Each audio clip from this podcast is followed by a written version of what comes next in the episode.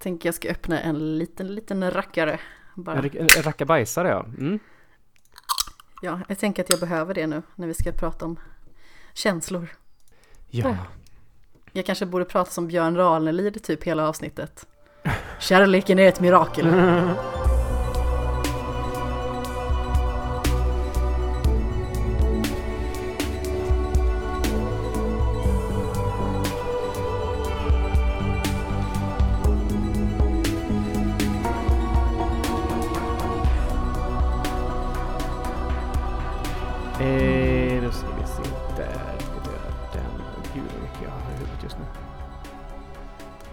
Alltså, vad är det då? då? Ja, allt.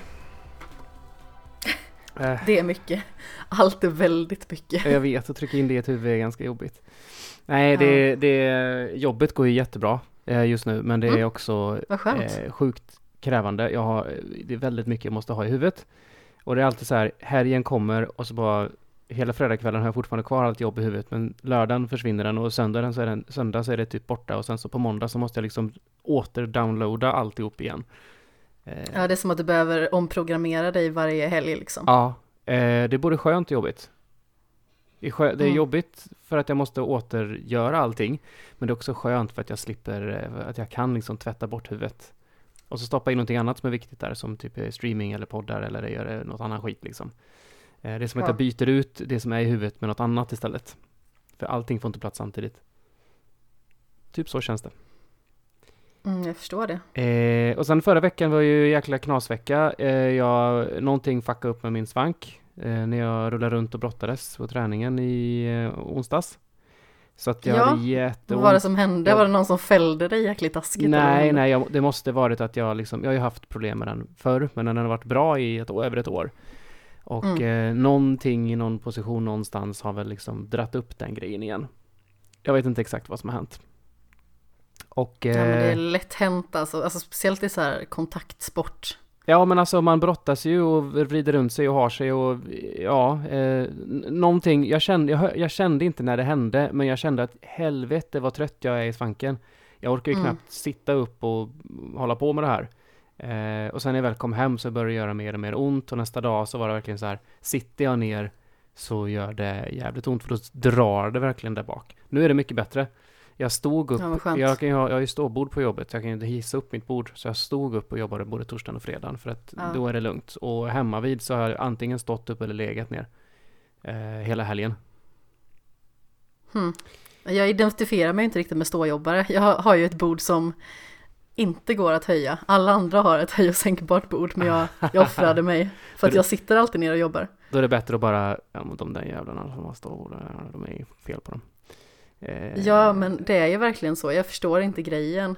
Alltså, jag förstår grejen, men jag kan verkligen inte fokusera när jag står upp. Det blir bara liksom att jag försöker hänga på ena höften och så ska man försöka stå stabilt och så behöver man tänka att ah, kanske ska ha en sån här ful ståmatta så ja, att jag jag. får bekvämt. Ja, den Men det jävla- finns ingenting som funkar liksom. Jag kan inte förmå mig att stå upp och jobba. Och jag är ju en sån här plöjjobbare, jag sitter ju och jobbar väldigt intensivt. Mm. Och för det måste jag kunna ha fokus liksom. Jag måste kunna Mm, samma här. bara köra på. Jag känner igen mig jättemycket, men för mig funkar det bra med stå. stå. Jag, kroppen Mm. eh, mår bra av det, men inte, inte för länge, för då jag känner att jag får ont, lite grann ont i höfterna.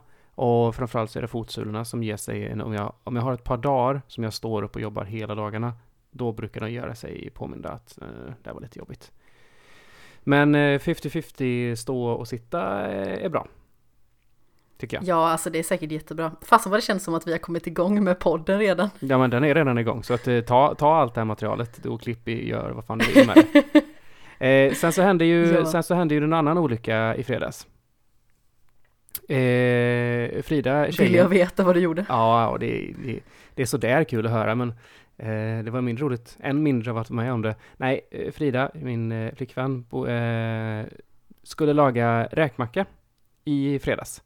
Så jag Okej. satt och pustade ut efter jobbet i, i, i köket och pratade med henne medan hon stod och skalade räk- räkor och sådär och tittade på Glenn och Jesper när, de, eh, när Jesper tog sina första stapplande steg i Super Metroid.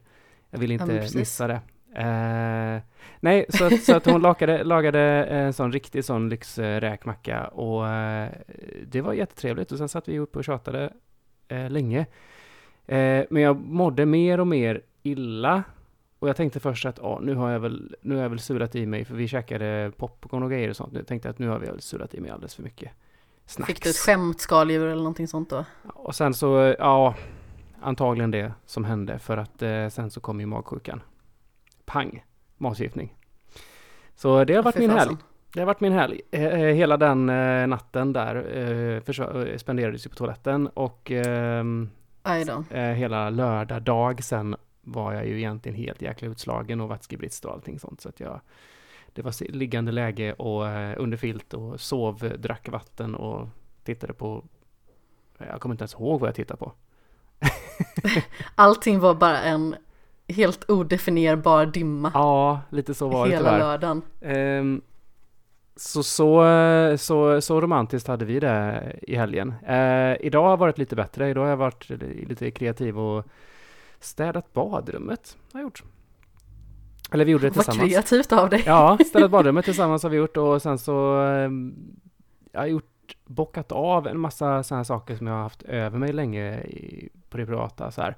Bokat massa resor i sommar. Jag, liksom, jag hade festivalbiljetterna klara men inte resorna dit. Eh, ja, lite annat pill och tjofs. Så. Mm, det låter ju väldigt trevligt. Vart ska du i år då? Åh, oh, vart ska jag inte? Um... det var ju Portugal sist när jag eh, skjutsade dig lite till flygplatser. Ja, just det, just det. Eh, festivalsommaren börjar i första helgen i juni. Det är den helgen som är typ i slutet maj, början juni så är det helg. Då ska jag till Holland på Long Weekend eh, festival där. Sen så är det, ska vi se, är det något annat däremellan? Nej. Sen så är det början på, nej, slutet på juli då är det, mm, då åker jag till Ungern. Och det var den, den flygresan som jag bokade idag och flygtransfer till festivalen och sånt där. Det är en veckas lång festival eh, mitt ute i majsfälten i in, inlandet i Ungern. eh, så där är jag en vecka med eh, ett kompisgäng. Sen så när de åker hem så åker jag till Budapest, hoppar på en buss till Zagreb. Och eh, sen så ska jag ut till obygden i Kroatien och där så ska jag på en veckas festival till med ett annat kompisgäng. Um, du slår på stort du Tobbe. Ja. Och sen så har jag inte lyckats, sen har jag inte bokat hemresan än, men jag måste ta mig hem på något sätt därifrån också. Eh, alltså kan... det är en bra grej om man ja, vill det. alltså jag har ju semester och så, så det är ju lugnt. Sen så är jag hemma, sen så är jag hemma den veckan och sen så på torsdag kväll den veckan när jag kommer hem så drar jag till Holland igen på eh, typ tre, fyra dagars festival. Wow. Japp. Alltså det är imponerande, jag förstår inte hur du orkar. Eh, jag har energi. ja men då är jag ju ändå en intensiv person som gör väldigt mycket saker själv, ska ju tilläggas. Ja. Men eh, ja, det, grejen det låter väldigt mycket. Jag har, inte, jag har inte kört den här grejen förut med två festivaler back to back, utan jag har mer bara, när jag själv har varit iväg på typ veckas festival och så ser man dem som bara står och packar ihop och snackar om och liksom att ja men nu drar vi på nästa festival, så jag har bara skakat på huvudet. Men nu ska jag göra det. Och nu ska jag se hur det är, om jag klarar av det. I värsta, alltså, i värsta fall så tar jag ju festival två som en mer som en, eh, ja men semester. Det är på ett jätte, jättefint ställe eh, längs med en, längs med en å i, mitt inne i skogen i Kroatien och det är, alltså det är jätte, jättefint. Så jag kan ligga ja, det låter ju väldigt spännande. Jag kan ligga Kroatien där. är ett ställe som jag har velat åka till själv faktiskt. Jag har aldrig varit där. Inte ens åkt till Split på typ så här sol och badsemester utan... Um... Nej, inte jag heller. Så uh, nej, det ska bli spännande såklart. Så att jag, jag, det blir bra. Jag får helt enkelt anpacea mig själv helt, ja, det går, från, det, det, det går bra. Det, ja, nej, det blir bra. Det kommer definitivt gå bra. Jag litar till fullo på din kapacitet Tobbe. Ja. Jag vet vad du går för lite grann. Ja, jag kan ta i Men, när det behövs. Hur, jag känner att det blir så här, hej och välkomna till eh, Jag vet inte vad jag pratar om just nu podden. hej och välkomna till skämshögen i alla fall, kära lyssnare som har tittat in och vi sitter här och babblar på i godan ro och eh, För er som inte har lyssnat på den här podden tidigare så heter jag Amanda Sten och det här är vårt sjätte avsnitt av Skämshögen och med mig på andra sidan skogen faktiskt, ganska så exakt, ungefär Mm. 35 minuter ifrån mig så sitter Tobias Tobbe Fix Andersson i Borås Mm. från Svampriket. Ja, det är Ligger Borås i svampriket? ja, definitivt. Svampriket finns överallt och ingenstans. Jag tänker ju att svampen måste ju frodas väldigt bra i Borås i och med att det typ alltid regnar. Ja, det borde den göra. Vi har jättebra svamplockarställen. eh, Alltså Bo- Borås ligger ju typ i en dal. Det är ju därför som alltså, molnen, Ja. molnen fastnar ju här. Eh, Och eh, det är därför som det regnar så mycket här. Och ehm, om man kommer upp liksom i ehm, på kanterna på den här dalen, där är ju mycket skog. Vi har ju skog runt hela Borås liksom och där finns det jättemycket bra svamplockarställen. Ja, jag kan tänka mig det. Jag är ju ingen direkt svampplockare själv, så jag har inte riktigt utforskat de här markerna kan man ju lugnt säga. Jag har en, en eh, exfru som var en eh, frenetisk eh, svampplockare på, på höst, höstdelen på året. Så hon, hon, Kantarell ju- eller? Ja, det är alla möjliga konstiga svampar. Som hon plockade. jag hade inte så bra koll på det, utan, utan att jag har ju insett då också att en erfaren svampplockare, det är rätt mycket skill man kan ha i det. För dels så vet man liksom att man lär känna hur svamparna tänker på någon vänster, liksom att man vet var de gillar att vara, var de tar vägen, var de springer och gömmer sig. Så bara det var ju en, liksom en, för mig var det bara, men vi är i skogen och så tittar jag på marken, nej ingen svamp här. Så hon kunde liksom bara, men här du vet, och så bara lyfter hon på en tuva så finns det hur mycket kantareller som helst där. Ja men precis, ofta så brukar det ju finnas lite under mossa och sådär. Jag har varit ute och plockat ganska mycket svamp med min mor när vi bodde ute i skogen. Men det är ju typ så här 20 år sedan ungefär. Mm. Sen har Så ju, det minns jag. sen upptäckte jag ju också att för hon hade en, eh, hon hade ju en svampblick. Jag kunde ju liksom gå och titta på marken och det är ju allting, allting på hösten du vet, så är ju allting är ju typ i ett färgspektra av brunt. Mer eller mindre gult, mer eller mindre brunt, rött, ja men du vet så. Eh, Ja. Så det kan vara ganska svårt att spotta de här svamparna. Men hon kunde ju se dem på typ 100 meters avstånd medan jag bara står framför dem och inte ser. För att min, min, det är som att, det är som att min, mina ögon var inte intunade på svampar. Hon har väldigt stark svampradar helt enkelt. Exakt så. Det bara Och- blinkar. Ja, och det, det, det är väl någonting man kan träna upp antar jag. Att man trimmar ögonen till att se saker. Ja det kan man definitivt göra. Alltså man söker ju intuitivt efter tecken på olika typer av liv eller dylikt beroende men, på vad det är man liksom gör egentligen. Precis, ja, men vi har ju, vi har ju en massa sådana såna, eh, här heter ju någonting fancy fint, men en sån här formigenkänningsgrej. Eh, ja, men ungefär som att man, vi, vi, ser ju, vi ser ju ansikten i, eh, i mönster väldigt lätt. Vi är ju liksom trimmade Ja, för att se ansikten och vi har ju massa andra sådana intrimmade naturligt i, men alltså människor har det, som hjälper oss i vardagen. Jag antar att det är ungefär samma sak som, eh, fast för, för ljud då, så har vi ju cocktailparty-effekten. Känner du till den?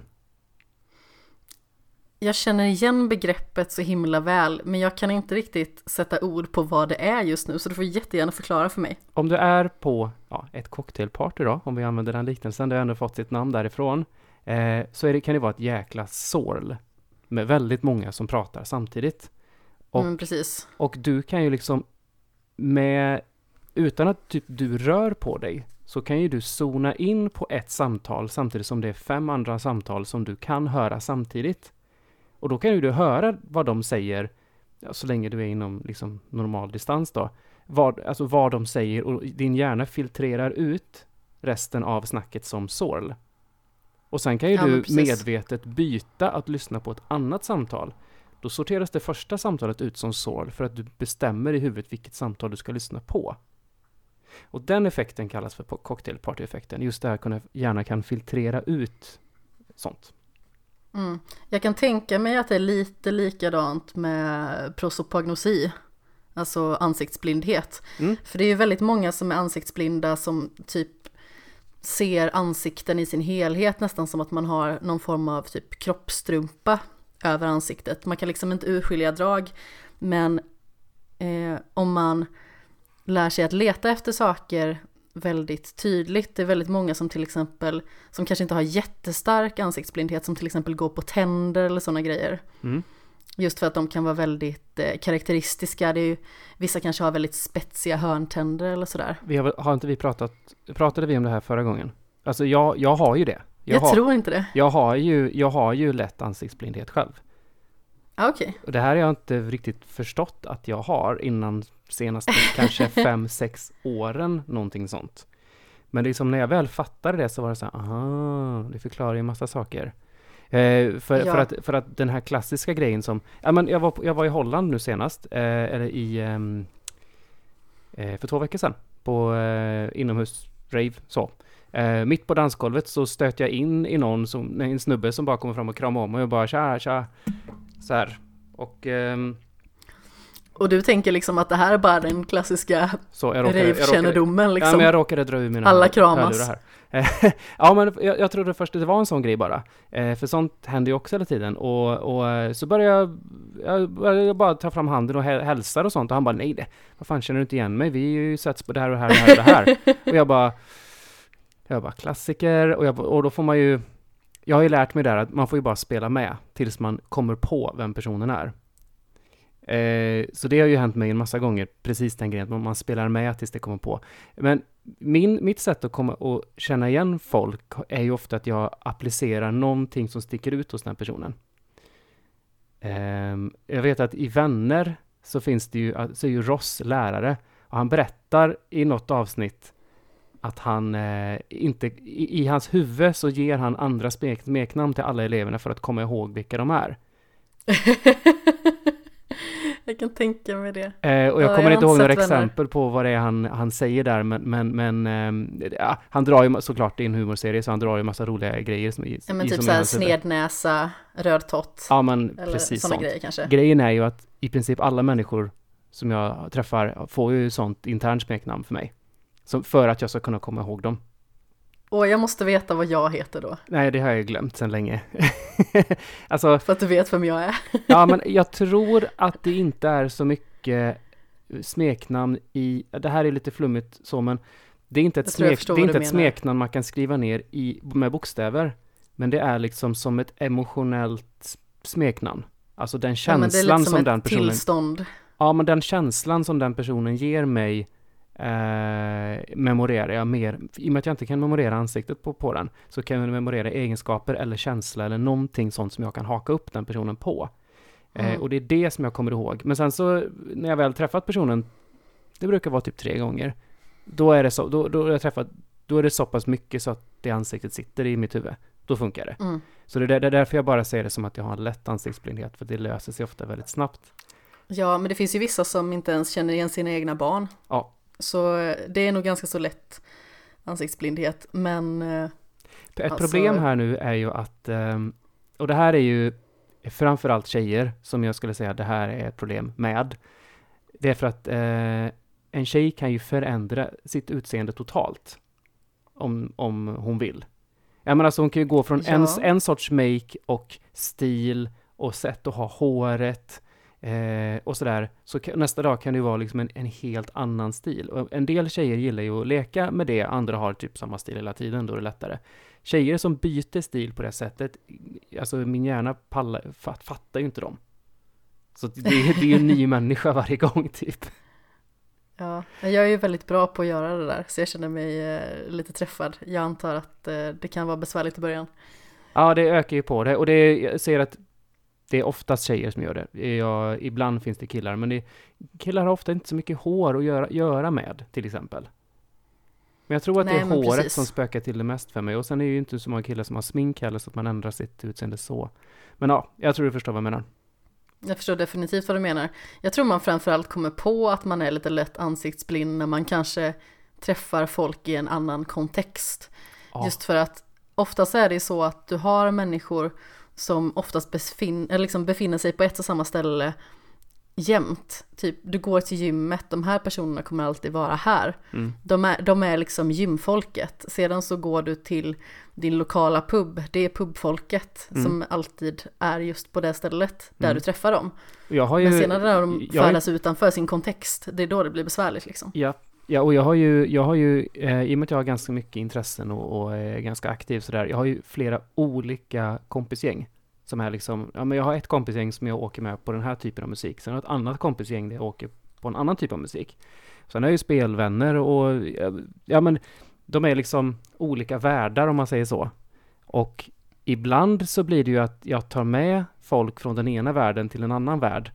Och då blir det lite så här worlds colliding. då, det är en Seinfeld-referens det där. Uh, nej men det, det är liksom, då, då brakar, det, brakar det ihop lite grann i hjärnan. För att jag tror också att man har, jag har ju försökt ganska mycket att tvätta ur så att jag inte har så mycket masker och sånt på mig. Utan jag försöker vara ganska mycket jag. Men man har nog det ändå, hur mycket man än försöker tvätta bort det. Så när det blir att kompisgäng blandar sig, då blir det också en konflikt i dig hur du ska vara kanske? Ja, det tror jag definitivt det blir. Känner du igen det något? Det där? För du har ju ja. säkert, du har, ju, du har ju pratat om att du har en jobbpersona som när du, när du är, när du är, eh, när du leder pass till exempel, så, så, så, känn, så har du berättat hur du känner dig mycket mer social och utåtriktad medan du i andra situationer känner dig väldigt inåtvänd. Och... Ja, jag menar så är det ju. När jag är den personen som jag är i salen eller i eh, buren för all del eller sådär, då är jag ju en helt annan person. Jag är ju faktiskt ganska så rolig då. Till och med. Tycker du kan vara annars med, men... Ja, men det märks inte riktigt på samma sätt för att jag kan bli ganska mycket mer så här, uppenbart rolig och jag vet inte, jag tar för mig av min omgivning. Jag vet liksom att när jag är instruktör, då är det mig alla tittar på och då måste jag liksom anpassa mig efter lite hur de ska se på mig. Jag tror, att det är två, jag tror att det är två grejer där. Jag tror att dels är du väldigt bekväm i den rollen, så du kan, li, du kan, du kan luta dig tillbaka på att du är duktig på det du gör. Ja, absolut. Jag har varit det, instruktör i åtta och ett halvt år vid det här laget, ja, så jag, menar, det, jag har ju det, fått min övning. Självsäkerhet gör ju väldigt mycket med att man vågar ta för sig på det där sättet. Eh, sen så tror jag också att du kan man kan ganska lätt, om man säger så, gå in i en person som är självsäker också. Och då kan man liksom gömma sig lite grann bakom den grejen, även om man inte känner sig fullt så självsäker alltid. Så det är ju, det, jag menar, alltså, det är säkert en blandning av det här, att du har en, du har en jobb, jobbperson om man säger så, där du, där du är det. Ja, jag har ju några vänner som, de träffar mig väldigt ofta i sociala sammanhang, så vi skriver till varandra väldigt mycket. Vi är tre personer som har en specifik grupp, skriver jättemycket. Eh, och det är liksom blivit att jag, jag kallas för professorn i den eh, lilla, lilla gruppen. Bara för att jag är den här som alltid verkar jättesjälvsäker och har svar på det mesta.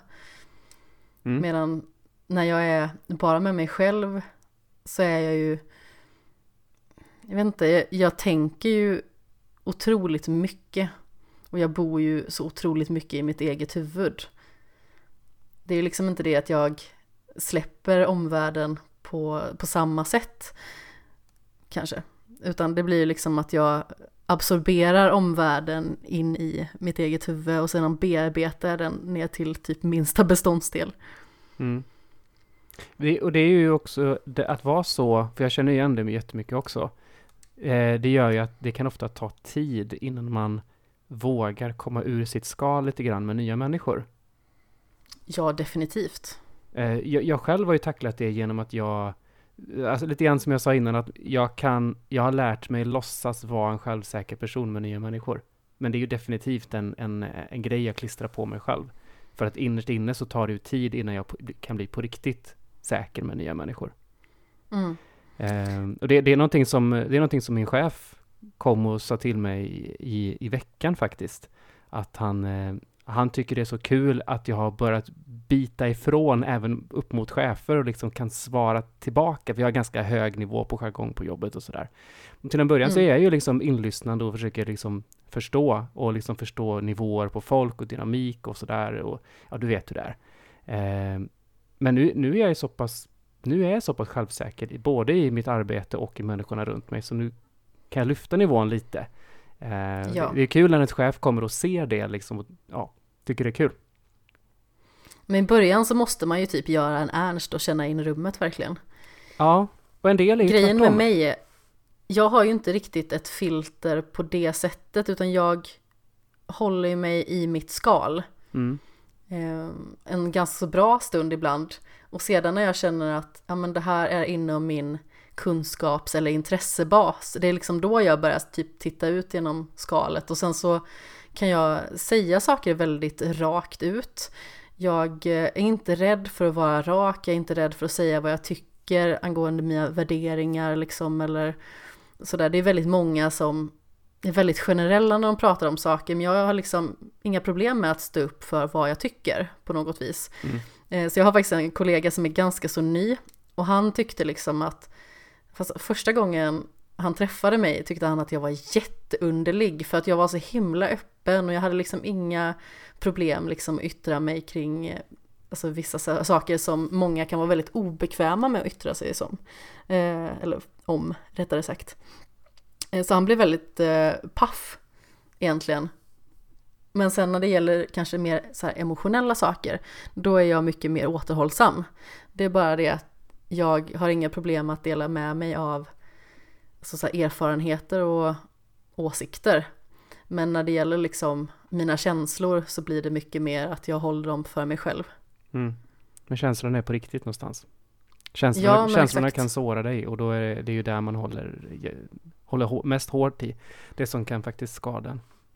Ja men exakt, alltså åsikterna blir ju på något sätt som fakta för en själv. Ja, Det är liksom någonting man faktiskt kan luta sig emot och säga att "Ja, men det här tycker jag på grund av det här och det här och det här.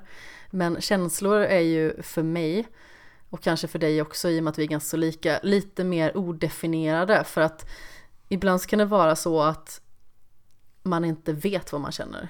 Så kan det vara för mig jätteofta, att jag vet verkligen inte vad jag känner förrän flera veckor efteråt och då kommer det liksom som en form av så här reflektionsglödlampa att oj, gud ja. det är ju så här jag känner. ja. Jag, brukar, jag brukar beskriva mitt känsloliv till folk som att jag har eh, eh, för, ett fördröjt käns, eh, en fördröjd känsloreaktion. Eh, snarare. Att, Men att, det har jag ju eh, också där. att när saker händer mig, ju, ju, alltså, ju allvarligare man säger så saker som händer mig, desto längre tid är det innan reaktionen kommer på det. Vilket gör Ja, för att... det är lite som att hjärnan, den har liksom fått en liten kortslutning och är lite i chock över det liksom överväldigande av känslorna. ja, Så att det måste liksom gå igenom hela protokollet innan man faktiskt kommer till en lösning på något sätt. eh, det, här, det här är ju både bra och dåligt skulle jag säga. Eh, den bra sidan är ju att jag är alltid helt iskall när det händer någonting. För det har hänt mig ett, ett par gånger i livet så har det ju hänt liksom serious stuff. Det kan ju vara allt ifrån att det, blixten slog ner i vårt hus när jag var yngre. Och Oj. liksom folk tog hispade och sprang runt och liksom vi visste inte om det brann eller vad som hade hänt liksom så här. Men eh, jag var ju liksom stört cool och bara dealade med situationer och sprang ut, kollade, det är lugnt. Vi behöver inte göra någonting liksom. Eh, där det slått ner i någon telefonledning tydligen och alla telefonerna var ju helt utbrända. Men eh, det brann inte något sånt där. Eh, en annan, men, men till, till att eh, vi eh, råkade, vi, vi, vi satt fast i USA en gång när vi var ute och reste för att vi hade biljetterna hade fuckat upp sig. Så att vi, när vi skulle åka hem så fick vi inte åka hem för att våra biljetter fanns inte och vi kunde inte åka hem förrän fem dagar senare. Och det tog typ två timmars dealande med flyg, flygplatspersonalen eller flygbolaget då. Eh, och mitt resesällskap total freakade ur och bara hispade runt jättemycket och kunde inte riktigt ta hand om situationen. Eh, så jag fick göra det istället. Men sen när vi väl kom till vårt hotell och liksom fick pusta ut, då blev jag, då kom det för mig också liksom, då blev jag också skakig liksom och bara shit, det där var ingen rolig situation alltså. Det såg ut som ett tag så vi inte skulle kunna komma hem alls liksom. Ja men Ehm. exakt. Men det är ju så, vissa grejer, det har ju väldigt mycket med liksom betydelsefaktorn för en och liksom vad det just är som har skett. Mm. Jag kan vara väldigt svår i situationer när det gäller att jag ska utsättas för någonting nytt till exempel. Typ om jag ska åka till en plats själv, jag vet bara jag skulle resa till Köpenhamn själv i höstas och gå på en konsert på eh, Konserthuset. Jag var så orolig. jag var så stressad över att det skulle komma fel och sen så kom jag ändå till konserten två timmar tidigt. Mm. Eh, för jag var superorolig att det skulle komma fel, jag hade sånt stresspåslag och det var nära liksom på ångestkänslor. Ja. Eh, men eh, för flera år sedan när jag och mina föräldrar skulle bila ner till Sankt Anton, när min bror säsongade där, då började bilen eh, banka, alltså det var liksom ett bankande ljud som var väldigt konstant och väldigt irriterande. Så vi hade kollat och så, det var ingenting, vi trodde bara liksom att det var antennen som slog mot bilen och helt plötsligt på autobahn så tappade vi vårt däck. Oh, Ehm, den och jag var, rolig. ju, jag var ju helt blank verkligen Ja. för det. Jag hade, då hade jag ändå blivit väckt. Så jag var ju liksom helt förvånad och i eh, mindre chocktillstånd liksom vad det var som hade hänt. Som tur var så var vi liksom i mittenfilen istället för inre filen så vi kom ut till vägkanten och blev inte påkörda eller någonting. Även att det var mycket trafik. Mm. Sedan så fick vi en hyrbil och efter en kilometer så började den bilen dunka precis likadant och då visade det sig att vi har fått punktering på våran hyrbil också. Så vi bestämde oss att eh, vi stannar i Frankfurt i natt, det är lika bra. Men jag var ju helt, eh, nej men, helt blank för upplevelsen just då. Men det kom ju också liksom i efterhand där att fasen tänk vad som kunde ha hänt. Mm. Jag var ju inte gammal då, jag var väl 11 tror jag kanske, eller någonting i den stilen. Mm. Men det är ganska intressant att vi har pratat väldigt mycket känslor, vi är ju nästan en halvtimme in här redan. Och eh, Jag skulle bara flika in och säga att ja, jag, jag, glömde, jag glömde ju säga det dåliga. Eh, alltså, det är bra att kunna vara kall i, i, i krissituationer. Eh, det dåliga med att ha en sån här fördröjd känsloreaktion tycker jag är att eh, man kan helt plötsligt må dåligt. Och bara, mitt liv är rätt bra just nu. Varför, varför har jag typ plötslig, plötslig ångest och um, mår, mår kass liksom, psykiskt? Mm. Jag känner igen det och framförallt så är man lite orolig att man ska ta förhastade beslut. Att Mm. man får till exempel en fråga som är väldigt känslig och sedan så kommer liksom inte känsloreaktionen förrän mycket senare Mm. och då kanske man ångrar det beslutet man har tagit. Det kan också vara väldigt jobbigt. ja. Men jag känner igen känner det här liksom med att helt plötsligt kommer ångest från ingenstans. Jag hade så för, jag vill säga att det var ungefär två veckor sedan. Mm. Jag har det ganska bra i mitt liv, väldigt stabilt just nu egentligen. Visst, det är väl vissa grejer som alltid kommer tillbaka och spökar när man har en väldigt besvärlig hjärna att ha att göra med som hemsöker en på vissa plan sådär. Mm. Alla har vi demoner men på väldigt olika sätt och det kommer väl tillbaka. Men helt plötsligt så hade jag våldsam ångest hela dagen. Det var liksom, jag, jag fick sitta och hålla inne tårarna så himla hårt på jobbet hela dagen och min, min kompis höll jag på att säga, min kollega, hon är väl min kompis också förvisso, typ kom och kramade mig och så för hon förstod liksom att det var någonting som var fel och jag var som att jag gick runt i en dimma hela dagen, verkligen. Jag var helt borta eh, och försökte jobba och kom på mig själv med att göra ganska så, men så triviala fel som jag liksom inte brukar göra, sådana grejer. Mm. Kom du på sen varför det hade hänt? Eller varför du, varför Nej. du hamnade i det stadiet? Inte alls. Nej, du vet, det kan ju vara det var gammalt. Det kan vara Väldigt grann- konstigt också. Ja. För det var, vid det läget så hade jag inte haft ångest sedan i november. Mm. Så det var också, det var väldigt konstigt att det bara kom från ingenstans. Mm. Men som sagt, vi pratar ju lite om känslor. Det brukar oftast bli att du och jag pratar om känslor när vi pratar med varandra. Ja, både, både i och utanför eh, podd. Ja, men exakt. Och tanken var ju att, eh, för när vi skulle spela in avsnittet från början så var det ju precis vid alla hjärtans dag. Mm. Och eh, vi tänkte att vi skulle dela med oss av lite tankar alltså kring själva konceptet kanske om alla hjärtans dag, vad vi tycker om det, hur det känns och sedan lite upplevelser som vi har gjort med någon som står oss nära som vi verkligen har uppskattat och även saker som vi kanske vill göra Det kan ju vara att det slinker in någon sån här upplevelse bara, men gör inte det här med din partner för det är bara en dålig idé. men vi får se. Vi har ju ganska standard liksom, punkter att gå igenom. Vi har ju videospel och vi har filmer och vi har tv-serier oftast som ganska så standardpunkt i den här podden.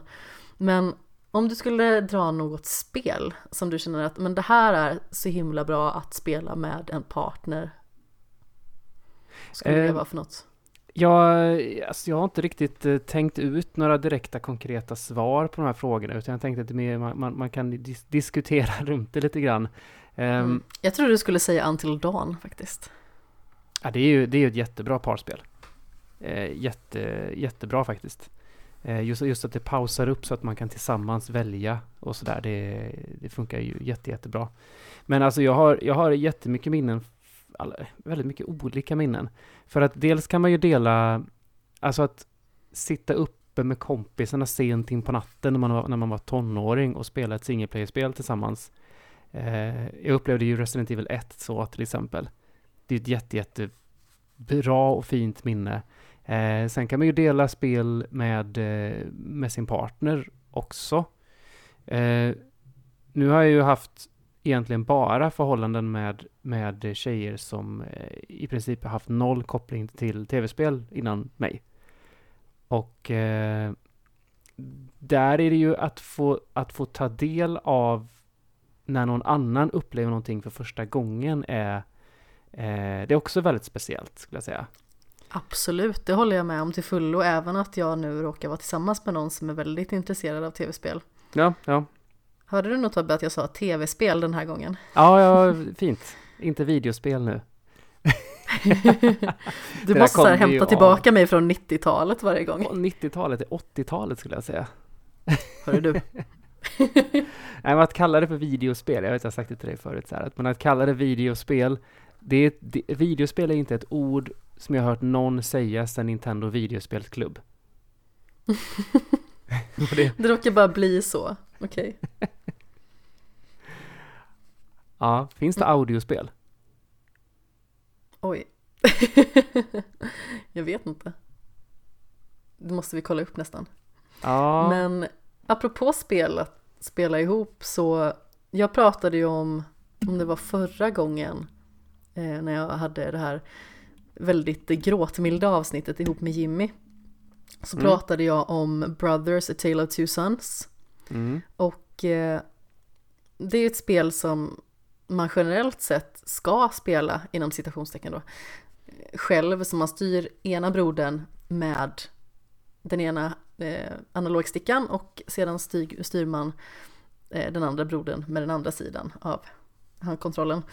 Och jag har ju gjort så att jag spelade Brothers med en vän första gången.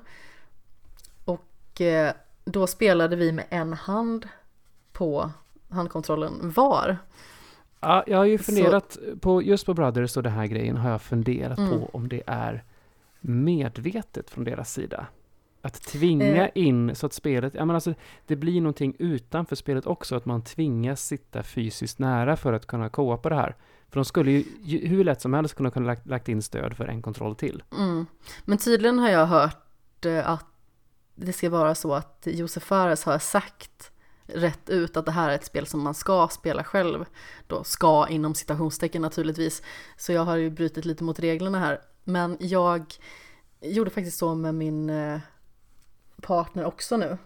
Och testade det och det var hur mysigt som helst. Och det var faktiskt så att jag fick en kommentar på senaste avsnittet av eh, Spela med David på Instagram där han skrev Testade faktiskt att spela igenom Brothers med min fru så som du hade gjort efter att du hade pratat om det i tv-spelspodden. Fattar inte att Fares inte ger sin seal of approval, det är ju lätt bästa sättet. Så då blev jag faktiskt lite nöjd. Ja, ja men alltså det, det, det har ju någonting som, det har ju någonting när det fysiskt får dig att eh, klämma ihop er så nära som, som en kontroll så. Ja, men dels det, alltså du har ju spelat Brothers väl? Ja. Intressant. Ja. Ja. eh, allesammans som lyssnar nu som inte vill bli spoilad på Brothers, spola fram typ 30 sekunder eller någonting i den stilen. Mm. Det är ju nämligen så att man förlorar ju sin storebror. Och det som Mm. grejen blir där och då, det är ju att då sitter man och så har man hållit i handkontrollen tillsammans hela tiden. Men när man har förlorat storebrodern, då får man sitta med handkontrollen själv. Ja, just det. Och det blir ju liksom en ganska så fysisk förlust också, för då är man helt plötsligt på egen hand. Då Mm. känner man sig väldigt utelämnad. Så det var Mm. det jag gillade verkligen med att spela på det sättet, att jag kände mig, för jag fick spela lillebrodern varje gång, för min vänsterhand är ju helt sämst. Så jag eh, fick liksom den känslan två gånger om då att oj, vilken, vilken förlust. Vad jobbigt det känns nu när jag inte har någon som är här och stödjer mig. Ja. Ja.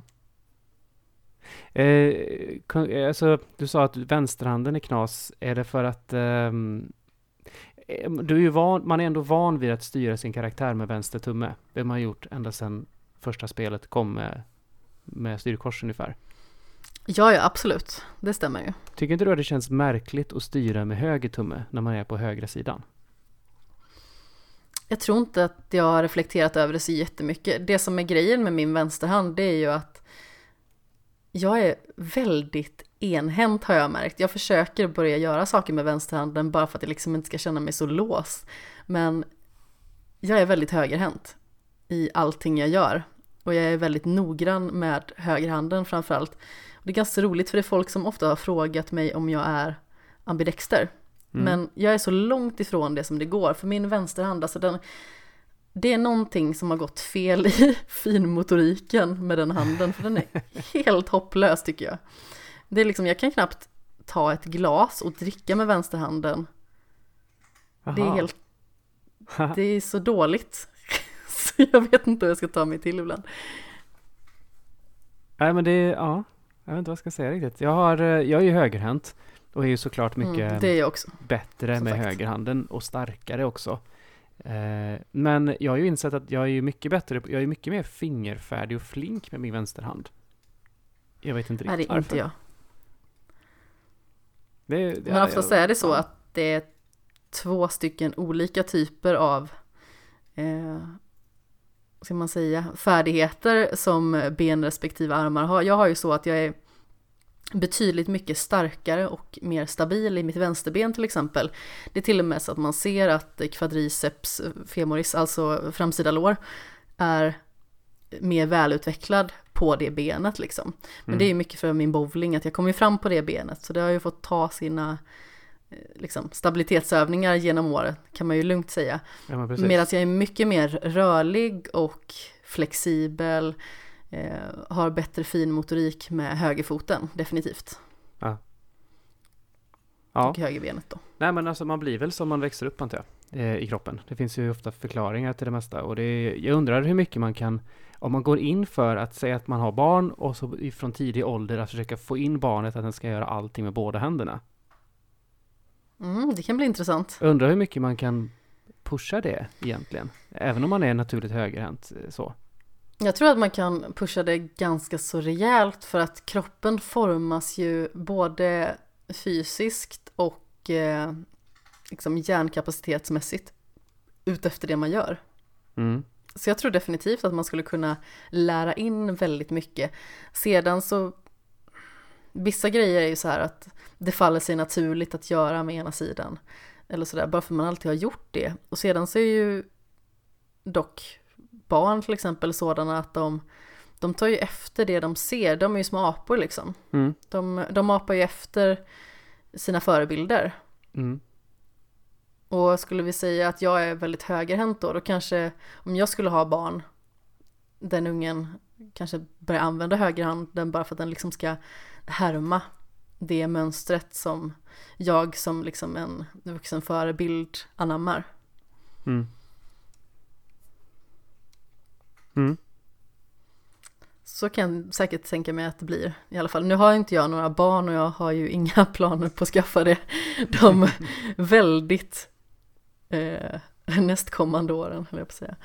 Eh, Ja, nej, jag har inget, eh, jag har inget, eh, inget riktigt att säga här. En intressant grej som, som nästan inte alls har med det här att göra, som, som eh, jag, jag, bör, jag, bör, jag börjar tänka förlåt på, att jag skrattar men det var så här.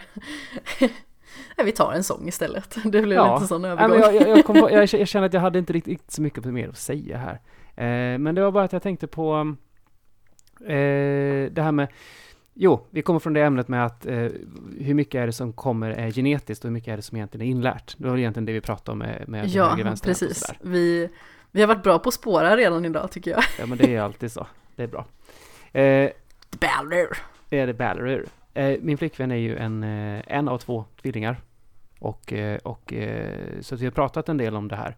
Och hon är till, till exempel så är det så att hon firar ju hellre sin namnsdag än sin födelsedag för att den är ju unik. Så. Men, hon, hon, men det är också det här med att enäggstvillingar är ju genetiskt likadana.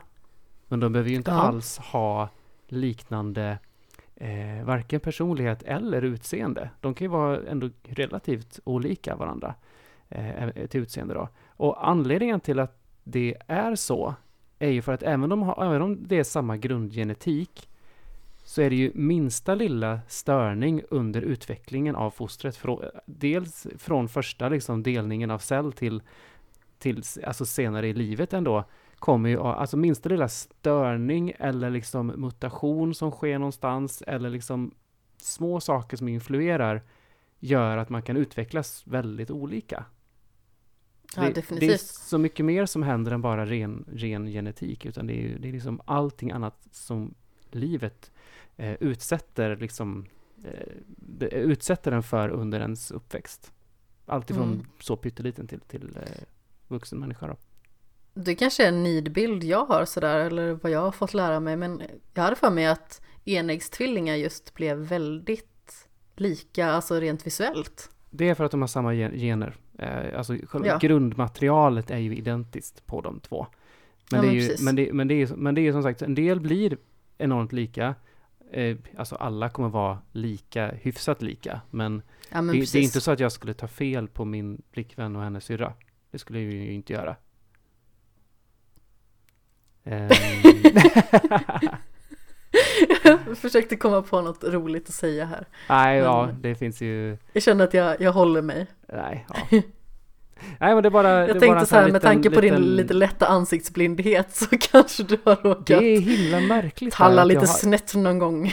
Nej, det har inte hänt. Och det är märkligt med, med min ansiktsblindhet så är det ju liksom det var liksom så instinktivt redan första gången jag såg liksom hennes syrra så var det liksom bara det är en, helt, det är en annan, annan person. Ja, För men det- det kanske är någonting till exempel med, med tänder eller Ja, det, det kan hår vara eller någon, ögon eller någonting litet sådär. bara som jag hakar upp det på. Nu kommer jag på en till rolig grej. Nu spår jag. Jag, är, jag har inte pratat med så mycket folk den här helgen känner jag. Jag har bara pladdrat på. Jag har upp, uppdämt Jag är okej med pladder. jag har varit sjuk hela helgen. Ehm, jo, min ansiktsblindhet har ju en, i, i och med att jag, min hjärna är ju trimmad till att hela tiden hitta liksom unika grejer i folks utseenden för att jag ska kunna haka upp, eh, komma ihåg dem, om man säger. Det är Tobbe Fix-hjärnan liksom, du ska Ja, ja, fixa jag måste, ju, detaljer. jag måste ju fixa det här problemet som jag har. Nej, men grejen är att det gör att jag är väldigt, väldigt bra på att se, ja men den personen är ju lik den där personen. För att, för att eh, där en människa annars ser liksom ansikten så ser jag de här unika, alltså unika grejerna som jag hakar upp liksom, kommer ihåg på. Och då kan det vara Mm. lättare att se när folk är lika varandra, men som att den personen är lik den där kändisen och sånt. Ja, precis. Förstår du min logik? Jag förstår definitivt din logik. Jag har en vän som jag tycker på leendet är jättelik Army Hammer. Vem Så jag förstår Vem- vem är det? precis. Army Hammer, Ja. det är ju han som är med i Call Me By Your Name bland annat. Och i eh, The Man From Uncle Aha. till exempel. Otroligt snygg för övrigt. Jag blir ju nästan lite kär i honom faktiskt Mm. efter Call Me By Your Name. För jag tycker att han var helt briljant i den filmen. Så jag blev eh, lätt betuttad så Mm. att säga. Mhm. Ser fram emot typ allting han gör. Jag kollade till och med på någon form av så här The Polar Bears eller någonting häromdagen, en kortfilm om isbjörnar, bara för att han var med och gjorde rösten i den. Jag känner mig så himla märklig. När går liksom den här När är the borderline mellan att det blir en crush och när det blir, när det blir creepy? Alltså, jag är inte så creepy av mig. Jag har faktiskt inte sett allting han har gjort ens. Men det var faktiskt, eh, jag bara kände att jag behöver se mer av honom för att han är ju väldigt bra.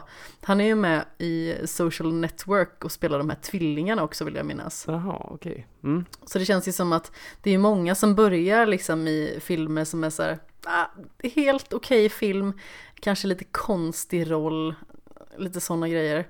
Eh, och sedan så helt plötsligt bara blommar de ut och blir helt mm. superbra. Jag ser ju väldigt mycket fram emot eh, vad eh, Zac Efron gör som Ted Bundy till exempel. För han var ju en sån här liten fjolla som var med i High School Musical och sån.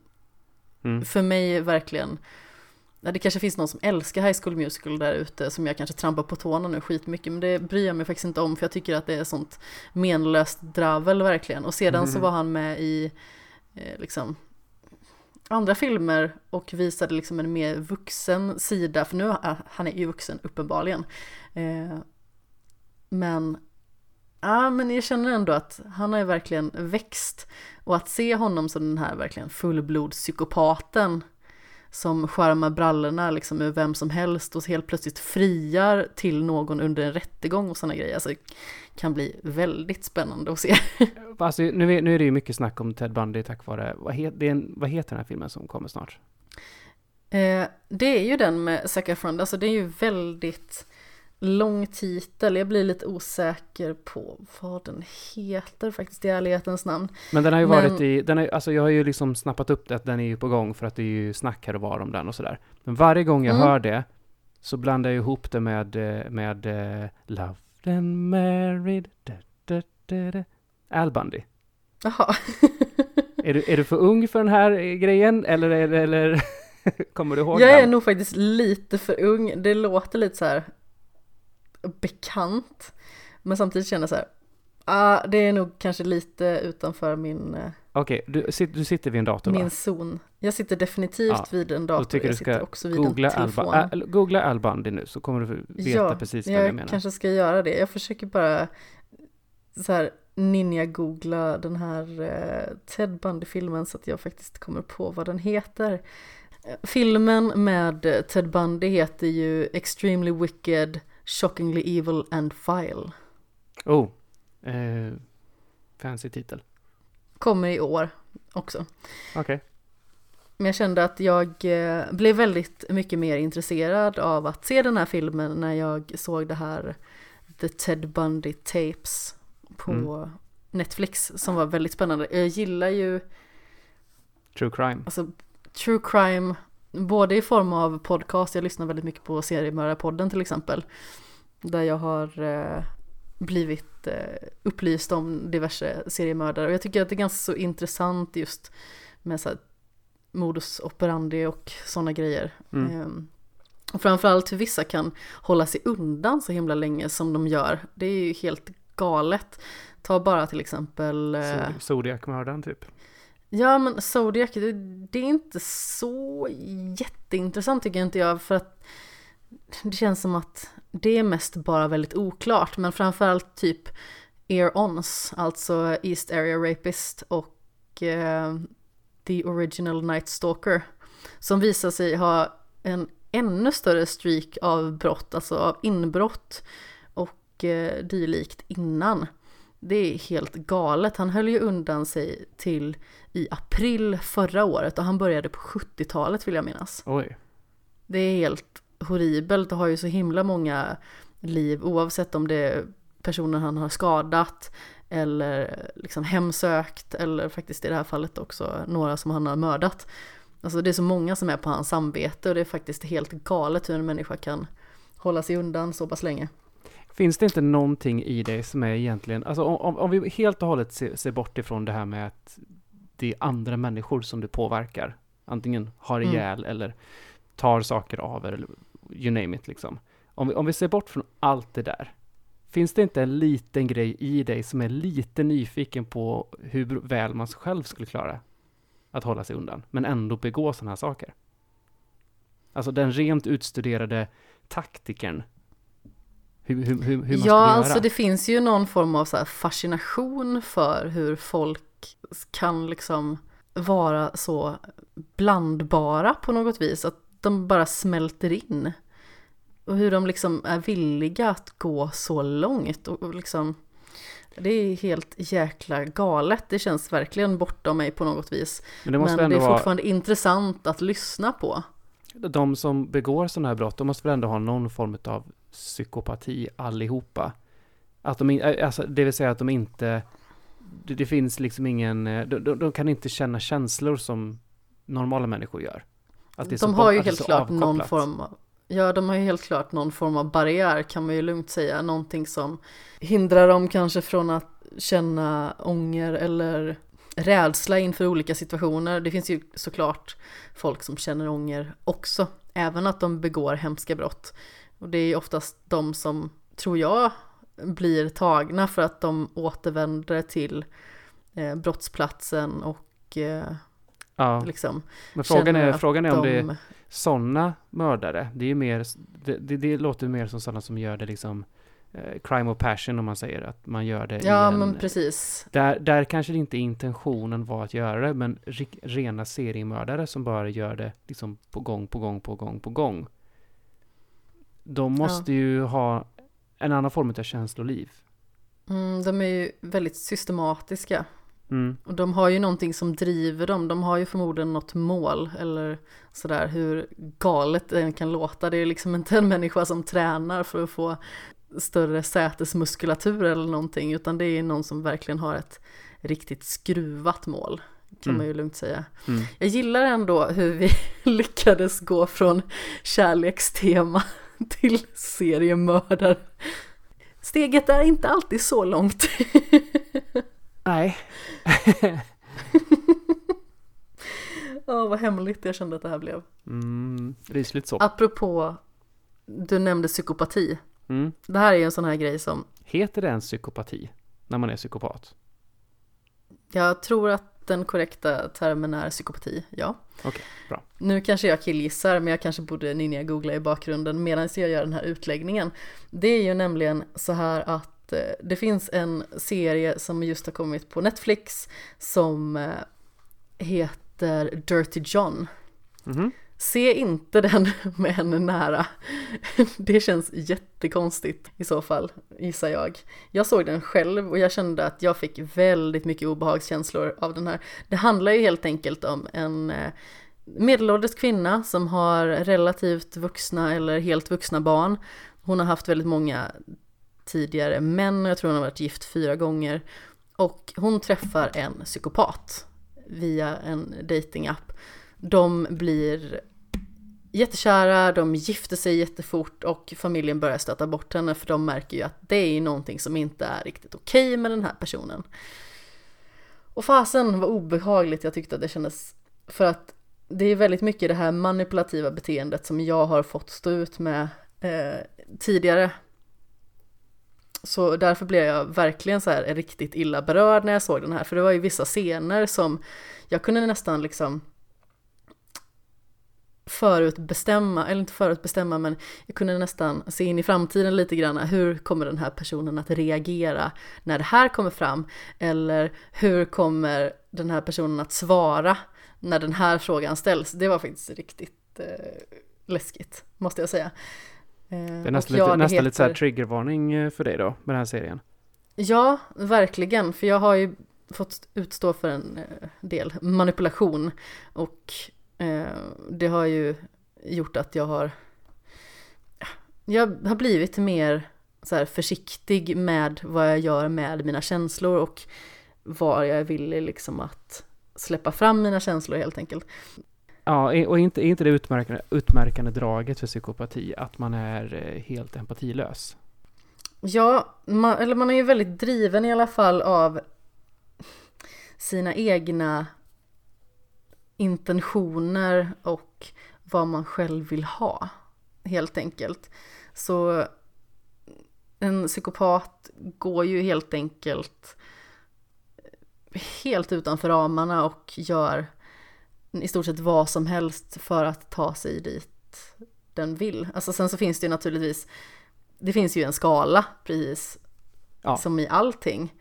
Det, bara för att någon har så psykopatiska tendenser så betyder ju inte det att det är en person som är en galen seriemördare. Utan det kan ju Nej. vara liksom så här manipulation helt enkelt. Eller För, för vi måste ju att man, inte, det. att man inte känner ånger och, och sådana grejer. Ja, vi måste ju komma ihåg det här att, här att ehm, psykiska åkommor som vi har satt namn på, de är ju i det närmsta, så långt jag har förstått det, aldrig binära.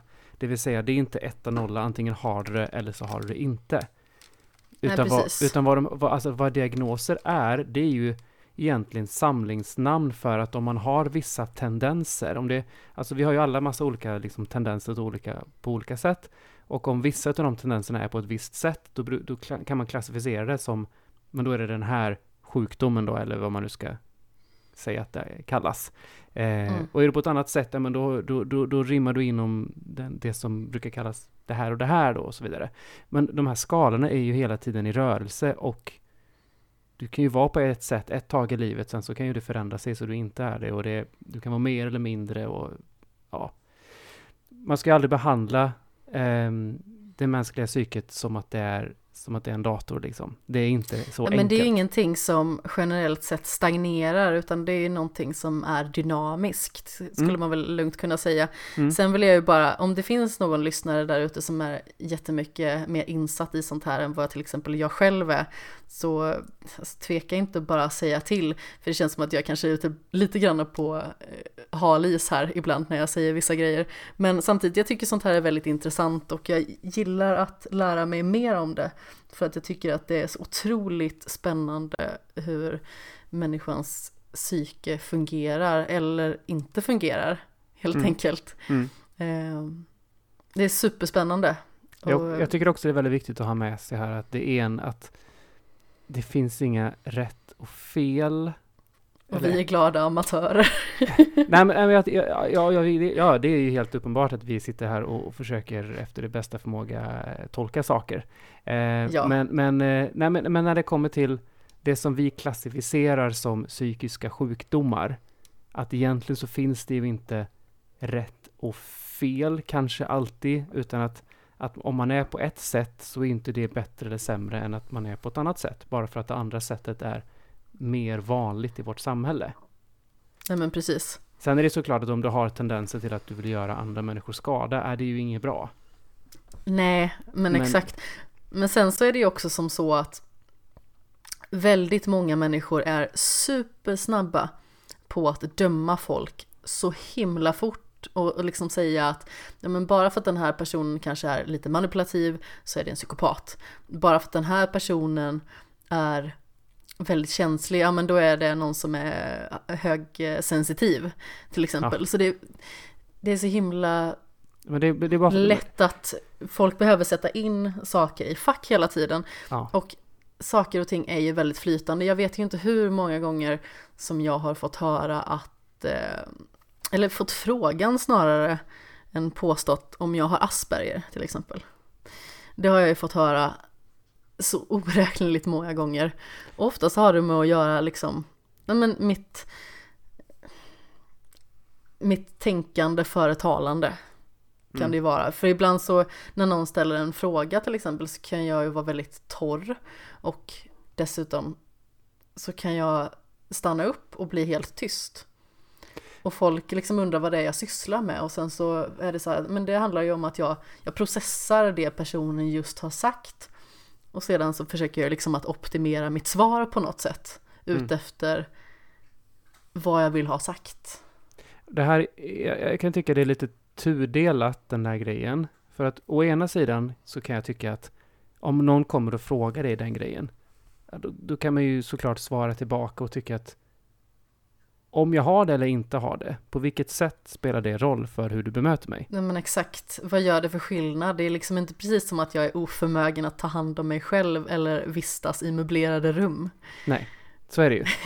Eh, på, det, på andra sidan istället så kan man också säga det så här att om man är en person som liksom identifierar sig som att man har då Asperger i det här fallet, då kan det ju vara en förtjänst om man liksom frontar med det också, för då vet människor som man möter att ja, det är en människa som har det här och då kan man liksom dra en snabb kurs med de människorna i att ja, men jag funkar så här och så här.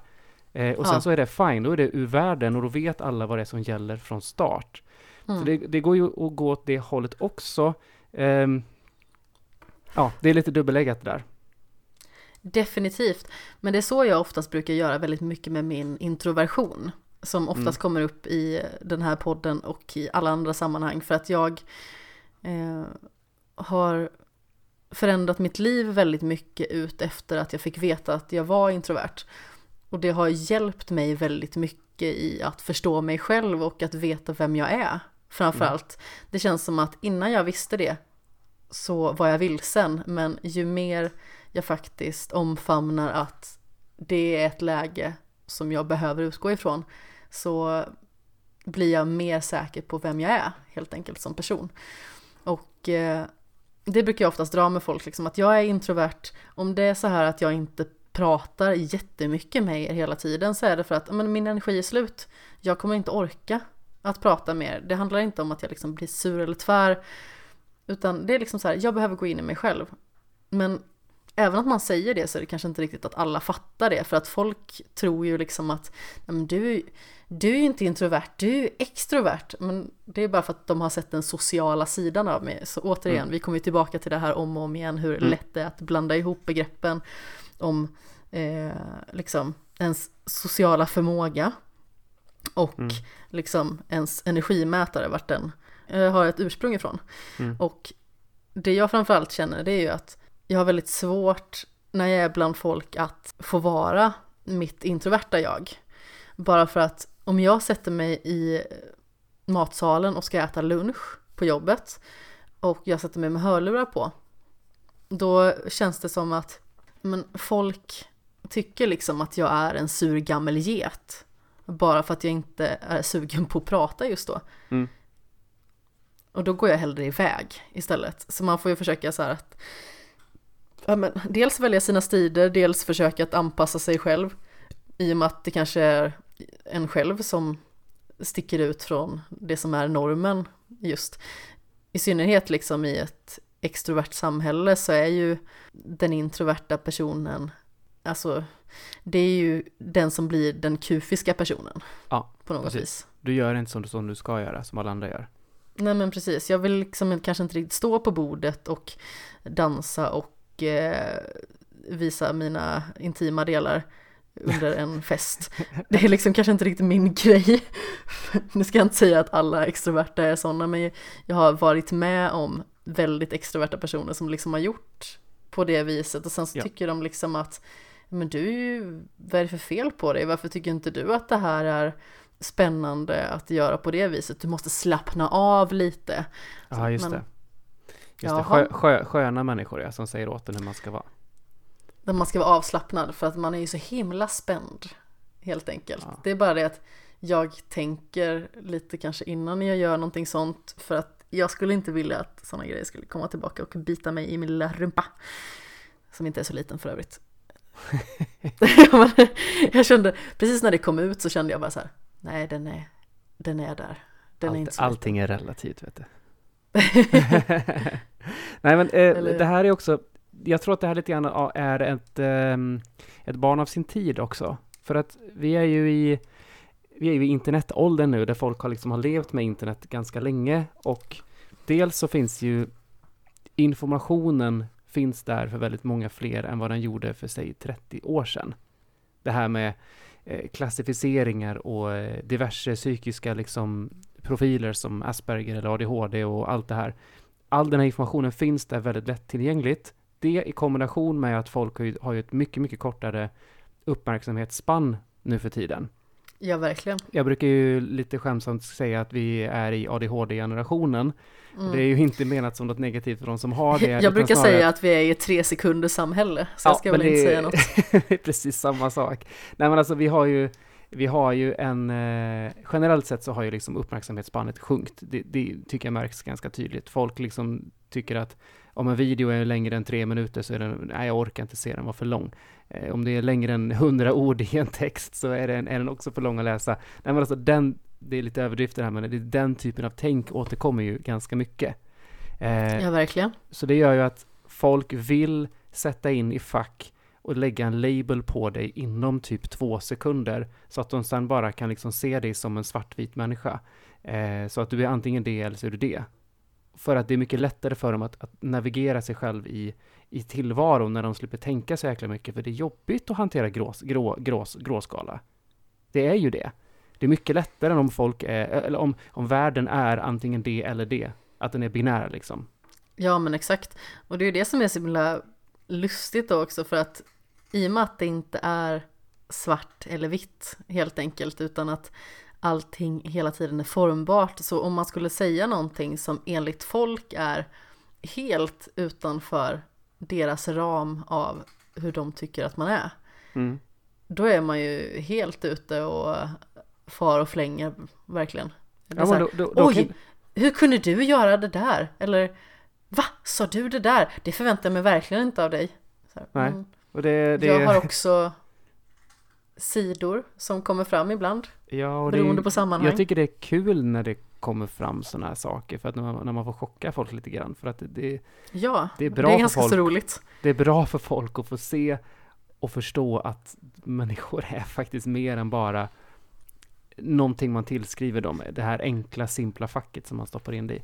Eh, sen, sen är We're det ju all så. individuals. Ja, sen är det ju faktiskt så att våra hjärnor är ju byggda på det sättet att de vill ju stoppa in saker i fack. För att om vi skulle ju, ja men om vi skulle processa varenda liten bes- beståndsdel av informationen vi får till oss, då skulle ju våra hjärnor bli få overload. Ja, så vi precis. måste ju- Implosionen är nära. Ja, så vi måste ju jobba med fördomar hela tiden. Och det är ju, men, men skillnaden mellan att, att ha fördomar, för vi har alla fördomar, för det, vi måste ha det, för annars skulle inte våra hjärnor funka som sagt. Det är ju ett sätt att skydda oss också liksom. Ja men, ja, men absolut.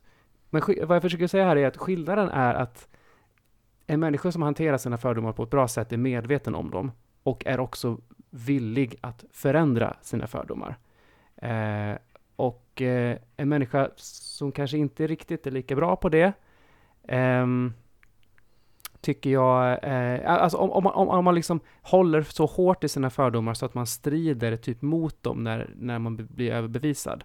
För att det är jobbigt att förändra ens livssyn på saker och ting. Hallå? Ja, jag, jag är kvar. Någonting Det, försvann. ja, men det hackade till lite grann. Ja, det vet jag fan. Någonting hände där. Precis, det blåser Eh. i Alingsås internetet här. Ja, nej, men eh, generellt så är det väl att det är bra att försöka hålla en ehm, eh, en öppen syn på, på sina egna fördomar och eh, vara öppen mot att bli eh, bevisad så att man förändrar sina fördomar om folk. För fördomar Ja, men har vi. definitivt. Det finns ju väldigt många sådana grejer som, som jag känner i dagens samhälle som man har väldigt hårda fördomar kring. Som jag gillar när folk bestrider dem helt enkelt. Jag vet en sån grej att det är väldigt många som förknippar, återigen om vi går in på det där psykopatilinjen och sådana grejer, eh, om man har någon avvikande eh, liksom, eh, sexuell preferens, då är man helt plötsligt alltså en psykopat eller liknande. Det är också sånt där som är väldigt skumt helt enkelt. Att bara för att man liksom har en preferens som är annorlunda så måste man placeras in i ett fack av någon som är avvikande mentalt också. Det, Ja. bara, det kan liksom inte bara vara att ja, men jag tycker att X är roligt. Men det betyder inte att jag är synonym med Y. Och det, är ju- otroligt ju- märkligt. Det är, där ju- det är ju så mycket återigen. fördomar som finns där ute där som är kopplade till eh, ofta väldigt gamla värderingar av saker och ting. Mm. Eh, där folk inte riktigt har tänkt igenom varför de tycker saker och ting utan de har bara plockat upp det någonstans genom livet att så här är det och är det annorlunda så är det något fel. Ja, och det blir väl också så att många som eh, kanske ser på den typen av saker med liksom det här att allting ska vara väldigt vardagligt och allting ska vara väldigt vanilj och bekvämt och sådär. det blir väl en stor chock för dem när det, är någon, när det finns folk som tycker saker som kanske sticker ut ifrån deras lilla så här personliga formulär, eller vad man ska säga. Mm. Ja, men verkligen så. Ja. Som sagt, vi gick ganska så långt ifrån det här med det här lite mer så romantiska ämnet till eh, ganska så Ja. ja, Det, det, det är ju som, eh, det, är ju som det brukar. Ja, definitivt. Och det är ju, jag tycker det är intressant att prata om, jag hoppas att folk tycker att det är intressant att lyssna på också.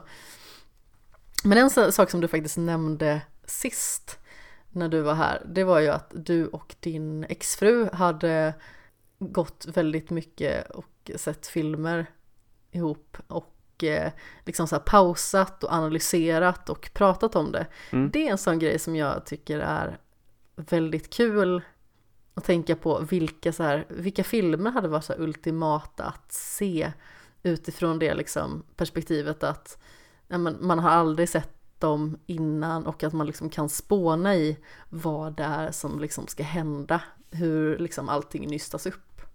Mm. Jag tänker att två filmer som jag hade gärna velat kunna ose och se med någon, det är ju Prisoners av eh, Denise Villeneuve. Mm. Den har jag fortfarande inte sett.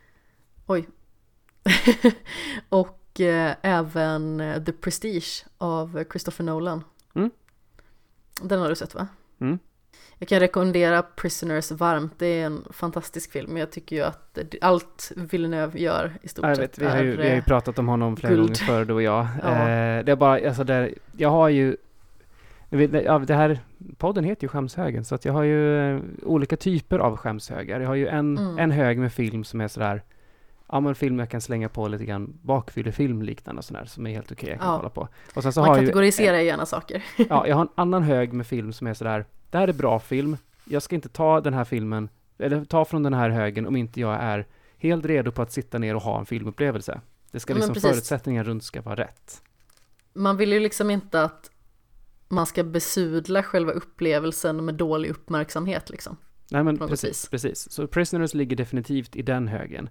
Det Mm. tyvärr har jag insett att jag är för sällan i, eh, i, i, i eh, rätt sinnesstämning för den typen av film. Eller så är det att jag tror att jag inte är det. För att skulle jag väl sitta där så skulle jag säkert bli indragen. Absolut. Men eh, jag börjar fundera lite grann på om jag kanske ska tvinga mig själv eh, in i sådana där filmer mer. Ja, och i värsta fall så kan det ju vara så att ja, men det här upplever jag inte är rätt sinnesstämning just nu. Då kanske man stänger av den och så börjar man om igen. Så har det ju varit för mig med vissa upplevelser tidigare att jag har känt att ah fasen. Jag känner liksom inte det som jag tror förväntas ska liksom kännas i detta nu. Och då menar jag liksom inte riktigt att det att jag ska förväntas tycka någonting visst om filmen utan snarare så här jag vill, det känns som att upplevelsen den blir inte rättvis i Nej. sammanhanget på något vis. För mig är det viktigt att känna att jag gör eh, verket rättvisa. Mm. Så hade jag med Journey första gången till exempel. Ja. När jag spelade kanske en, en tredjedel till halva spelet ungefär och stängde av. För att jag fattade inte grejen. Så sen när jag spelade igenom det på riktigt eh, under mycket bättre förutsättningar så tyckte jag att det var ett av de bästa spel jag spelat. Mm. Så det har Alltså, ju väldigt det- mycket med det- situationer att göra. Det ja, det är ju sådär och det spelar ju roll eh, en sinnesstämning runt omkring och, och ehm, ja, jag kanske inte ska tvinga mig själv in i filmer. jag har velat lite grann fram och tillbaka där för jag känner att jag, jag, Ja. jag kommer för sällan i den sinnesstämning som jag vill vara. Ja men som sagt, Ja. det är ju bara att testa och känner man liksom att läget är inte nu, då är det ju bara att liksom stänga av och göra någonting annat. Även att man kanske känner sig lite skamsen för att det känns som att man liksom så här gör fel på något sätt. Att man har påbörjat någonting som man inte avslutar. Ja, för det, det gör jag aldrig. Börjar på någonting så slutför jag det alltid. Eh, Det Ja. är lite, det är lite sån, sån jag är. Så eh, det är nog helt klart så en del fil, spel och film och, och serier och sådär som inte riktigt har fått rätt uppmärksamhet och så som jag har dömt utefter det. Å andra sidan så är det ju lite grann så konst är. Att det är ju det som händer i dig just där och då du ser det. Så det är, Mm. är lite, lite splittrad över det där. Men ja. Jag är ju också väldigt bra på att påbörja saker och inte slutföra dem. Det är ju lite mitt problem. Mm. Att jag har ju så mycket upplevelser som jag vill ta del av och känner jag liksom att ja, men, oj, jag kanske borde påbörja det här för det verkar som att jag är i jätterätt sinnesstämning för att göra det nu. Då lämnar jag helt plötsligt någonting annat för att eh, liksom hoppa in i nästa sak. Så jag försöker att mer och mer liksom fullborda saker under liksom en, inte en pressad tidsram utan att jag försöker i alla fall liksom sätta upp lite gränser för mig själv att jag liksom inte ska dra ut på saker så mycket utan att Mm. faktiskt men, ge mig själv en chans att uppskatta hantverket på något vis. Mm. Jag har ju förvisso lyckats klämma in typ två hela serier den här helgen när vi sitter och pratar. Eh, Men det är bara för att jag har känt att ah, men nu ägnar jag tid åt det här. Mm. Jag kollar och är intresserad så bara fortsätter jag. Det är väl ingen mening att försöka så här, tvinga mig att göra något annat. Även att det finns så här, många filmer till exempel som jag vill se. Det finns spel som jag vill spela klart. Men när jag är inne i det då är det lika bra att bara se klart det istället. Grejen är att jag gör ju likadant som du. Men av helt tvärtom anledningen. För att Ja. ta, tack vare att jag är sån att jag alltid ska slutföra allting jag börjar på. Så eh, har det ju blivit lite grann av Mount Everest i mitt huvud varje gång jag ska dra igång med någonting. Mm. För jag vet ju att det är ett jäkla commitment för varje längre spel eller längre serie eller liknande som jag tar mig för. Mm. För I och med att jag kommer behöva se klart det, även om jag kanske inte gillar det jättemycket. Eh, så att eh, där har ju st- eh, streamingen blivit en bra grej för mig vad gäller spel i alla fall.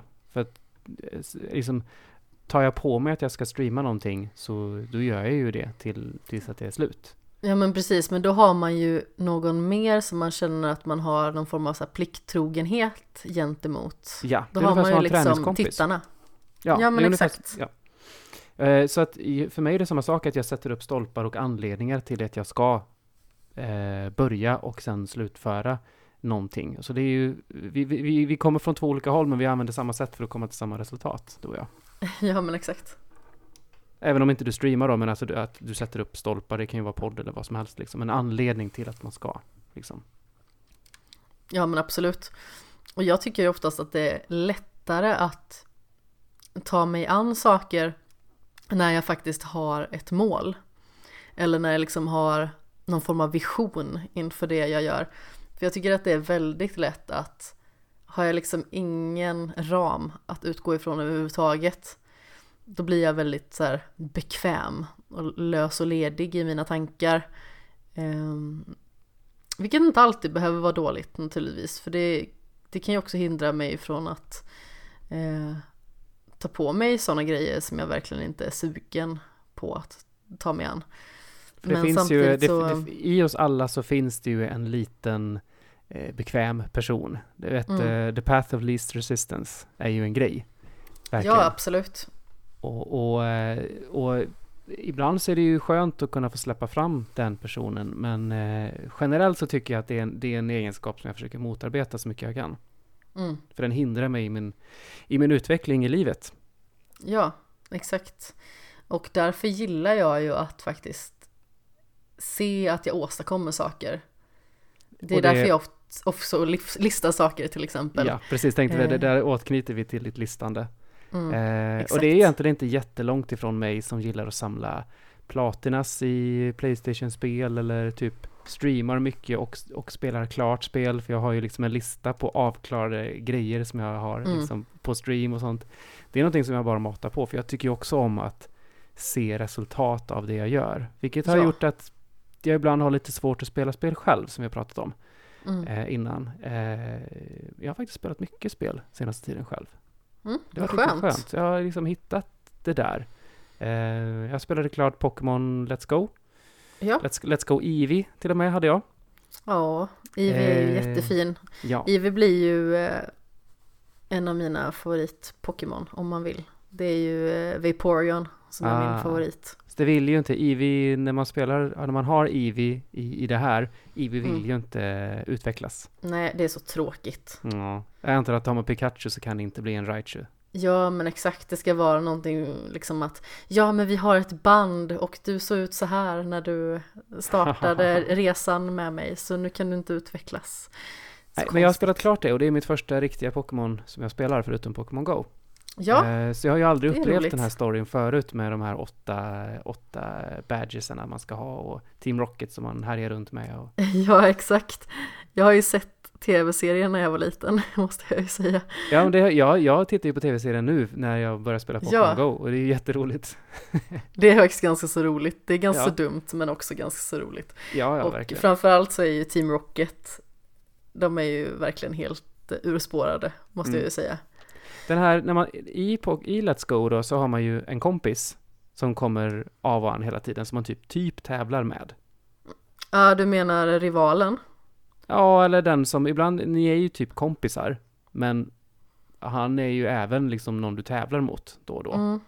Han utmanar dig och sådär. I originalspelen så är det nog liksom en rival. Jag tror att han heter Gary från början. Om jag inte... Ah, det, det, var, det, var min fråga om den personen finns eller inte Ja, i, i originalspelet. För att här, Det är kan ju- Professor Oaks. Tror att det är... för det är, inte, det det är är- inte typ Blue då? För Blue finns ju med, fast det kanske är någon av de första eh, Pokégyms-tränarna eller något där. Jag kommer inte ihåg. Hmm. Och nu blir jag lite osäker när du säger så, men För när man spelar Eh. två, spe, när man spelar Let's Go så finns, man kan ju spela two player. Alltså så man är två stycken personer. ja exakt, det testade vi också. Och då är den, en är ju då den här rivalen. När man springer runt. Är det så? Ja, Jaha, det uppfattade inte jag när vi spelade, men vi spelade Alltså, inte så för jättelänge. grejen är att, äh, grejen är att Manne, eh, du vet ifrån, eh, Jag ifrån, vet man. ifrån, ifrån gänget. Definitivt. Nej men ifrån Retrospelsmästaren och sådär. Inte mästaren Ja. utan eh, RR Meetup framförallt. Eh, han var här och hälsade på när jag fick det spelet i höstas. Ja. Och eh, då, då, då, då spelade vi eh, som två spelare. Så att den personen heter ju Manne i mitt spel.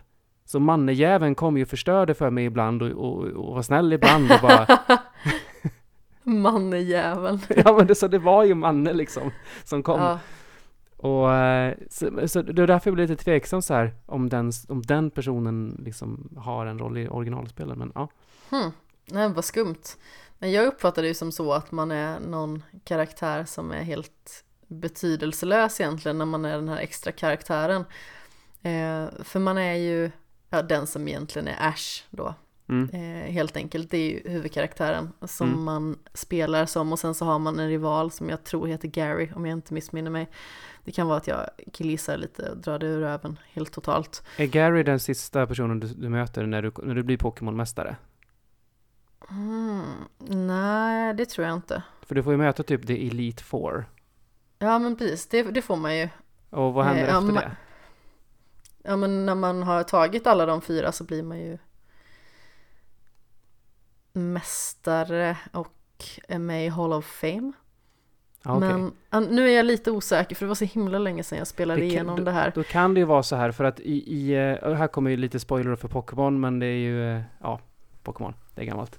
Eh, men i Let's Go då, så, så efter att jag eh, slog Elite Four så visade det sig att Manne hade ju varit där först och slagit dem. Ja, ja, men så kanske det är i originalspelet också. Det inte helt omöjligt faktiskt. Det, så att, jag, så att, så att mitt, sis, mitt sista test är ju att jag måste slå den regerande mästaren och det är ju Manne. Mm. Ja, just det. Ja, men så är det nog faktiskt. Ehm, fastän det är ju, jag har ju spelat eh, gul, blå och röd. Mm. De är ju i stort sett likadana. Eh, Mm. Men, eh, ah, fasen också. Ja, men så är det nog. Som sagt, det var ju ganska så länge sedan va? jag spelade. Nej, jag recenserade Pokémon Röd när det kom till eh, Virtual Console på Nintendo 3DS. Men det är typ tre år sedan jag recenserade det. Och då Ah, spelade jag faktiskt inte klart spelet. Nej, det känns inte som att det behövs på en re-release sådär. Nej, men jag hade ju spelat gul och blå så himla mycket när jag var i min ungdomsdagar. Mm, precis. Det kom ju på 90-talet liksom. Ja. Det var alltså, en liten kamelfis bara. Men det har, det har jag spelat klart och det var ju faktiskt väldigt eh, mysigt och eh, sådär. Enkelt JRPG-style med, eh, och sen är det ju som jag har förstått mycket, mycket skönare att spela Let's Go än originalspelen för att ju, du har ju inte grinden alls på samma sätt och det är inte lika jobbigt på de här de där bitarna. Nej men precis, det är, är ganska mjukt. så mycket grind och ganska så mycket random encounters i originalspelen mm. som man mm. behöver ta sig eh, förbi och igenom. Ja, här, du har ju inget sånt alls här utan det är ju väldigt skönt så. Det är rätt, mm, mycket, det är rätt mycket fighting är det ju. Det står ju folk överallt och så, och så fort man kommer i deras line of sight så, ehm, så blir det ju fight liksom så här. Men eh, alltså min taktik genom hela spelet var ju att, att liksom få upp Eevee hela tiden. Jag liksom la all candy och allting sånt jag hittade skickade jag bara in på Eevee, så Eevee spöar ju allt. Jag hade ja. ju liksom fem Pokémon Det blir ofta så om man har en favorit. Fram.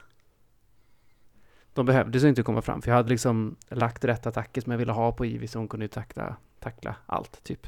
Ja, så det, men det var mysigt.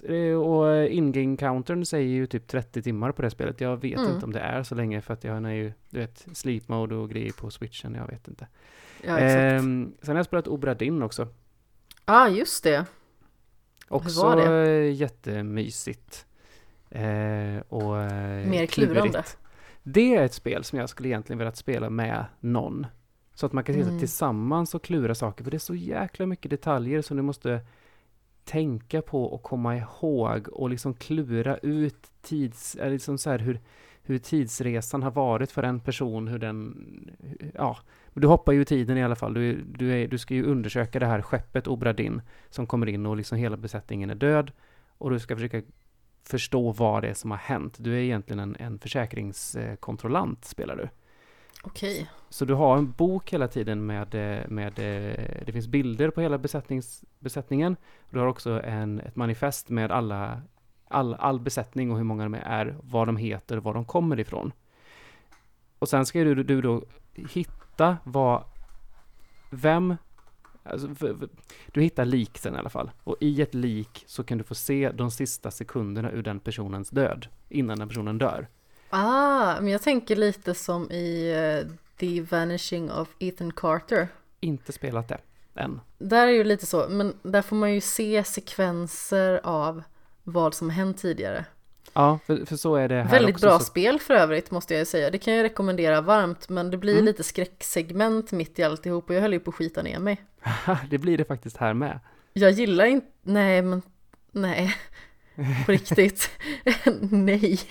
Jag är ju det fegaste som någonsin har gått utan ett par byxor, höll jag på att säga. Men, det är ju inte riktigt skräck på det sättet, men ja. Så att i alla fall, du, när du, du går ombord på skeppet och du hittar eh, ett par, eh, du hittar ett skelett ungefär som ligger liksom i sina kläder, liksom. det har verkligen ruttnat ut och det är bara skelettdelarna kvar, det fly, flyger ovanför. Eh, så då går du fram där och trycker på en knapp och då liksom zoomas du in i det här liket, så då får du se de sista eller rättare sagt, det spelas upp lite tal, man hör ljudet på typ, från typ fem sekunder innan personen dör. Ungefär sen, som om man råkar fila in på fel radios eh, liksom, frekvens eller någonting. Ja, men eh, typ så. Eh, och sen så, sen så visar sig bilden och då är du precis i dödsögonblicket för den här personen. Där är du, men allting har frysts, så du kan gå omkring där och titta så här, aha, den här personen dör tack vare att den här andra personen ja, hugger han i magen med ett svärd eller någonting sånt. Ja, då vet du att okay, den personen dödar den här personen. Men va, mm. vilka är de personerna? Eh, och då får man ju börja klura då liksom. Kanske att de har sagt, ja, de enklaste personerna att identifiera är ju är för att i och med att man hör typ fem sekunder innan så hör man ju lite dialog. Då kan han ju säga namnet där i.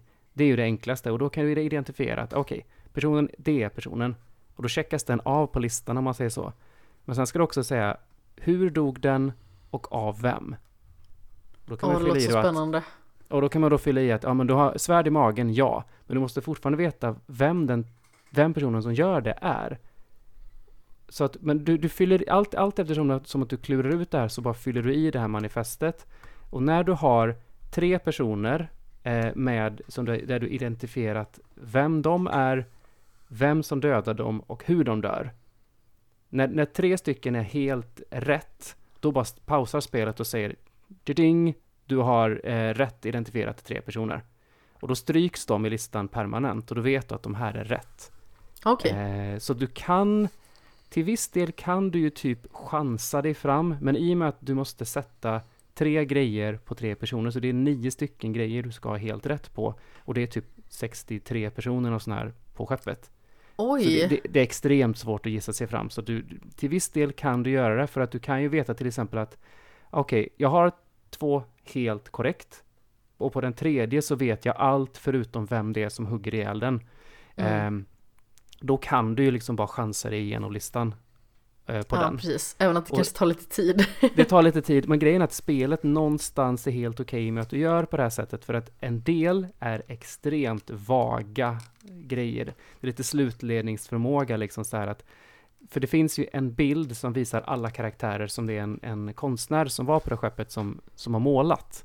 Ja, Okej. Och då kan man lura ut därifrån liksom att, ja men där nere har vi ett gäng som ser lite de har typ liknande kläder, de sitter nära varandra. Jag vet att en av dem är ryss och jag vet att det finns tre ryssar till ombord.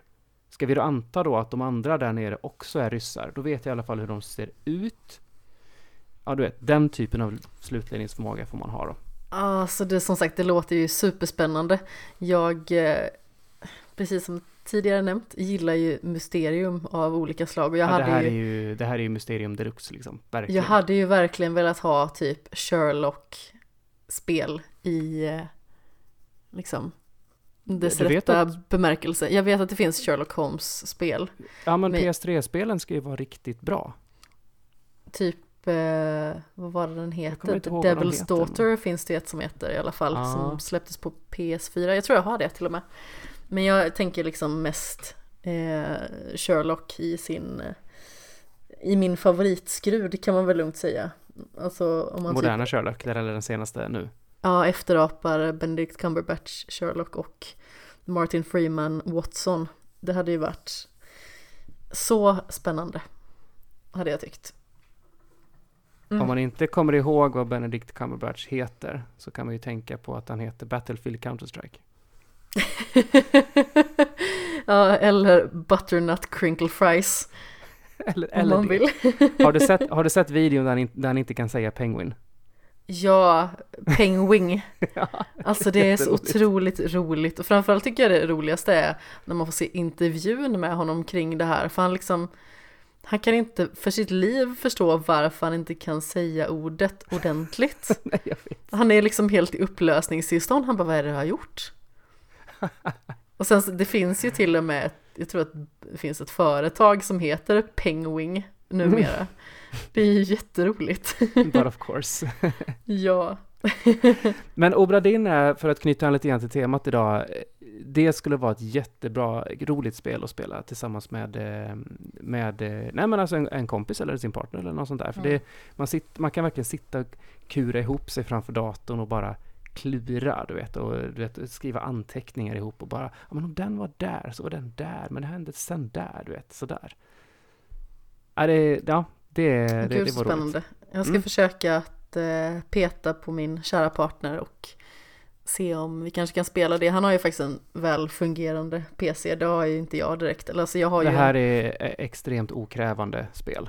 dock. Ja, men jag vet inte om det skulle funka på den här lilla laptopen ändå, för det är liksom Nej, jag, jag, vet, jag vet inte. minnet Det- är inte jättebra på den heller och sådana grejer, så jag, är lite Grejen, orolig grejen för vad det också med skulle... Obra Dinn är att du har en väldigt hända. säregen grafisk stil. Ja, Eh, det ser ju ut som ett spel från 83 typ. mm. Men det, det är lite mer än så, men liksom det, när man bara ser bilder och sånt på det så ser det ju extremt lågupplöst ut och sådär. Och det, det är lite charmigt också. ja men exakt. Verkligen. Som sagt, jag spelar ganska så mycket spel ihop med någon, liksom det senaste. Men det har mest blivit co-op. Vi har ju spelat A Way Out till exempel, som jag har spelat innan förvisso. Eh, Lara Croft and the Temple of Osiris, Guacamele och Pod till exempel. Och sen påbörjat både Guacamele 2 och den här eh, tvåspelarkampanjen i eh, Captain Toads Treasure Tracker. Mm. Så det, det är mycket att spela ihop. Men jag tror att det kan vara ganska kul att ta sig igenom upplevelser där man typ lämnar handkontrollen till varandra eller så också naturligtvis. Mm.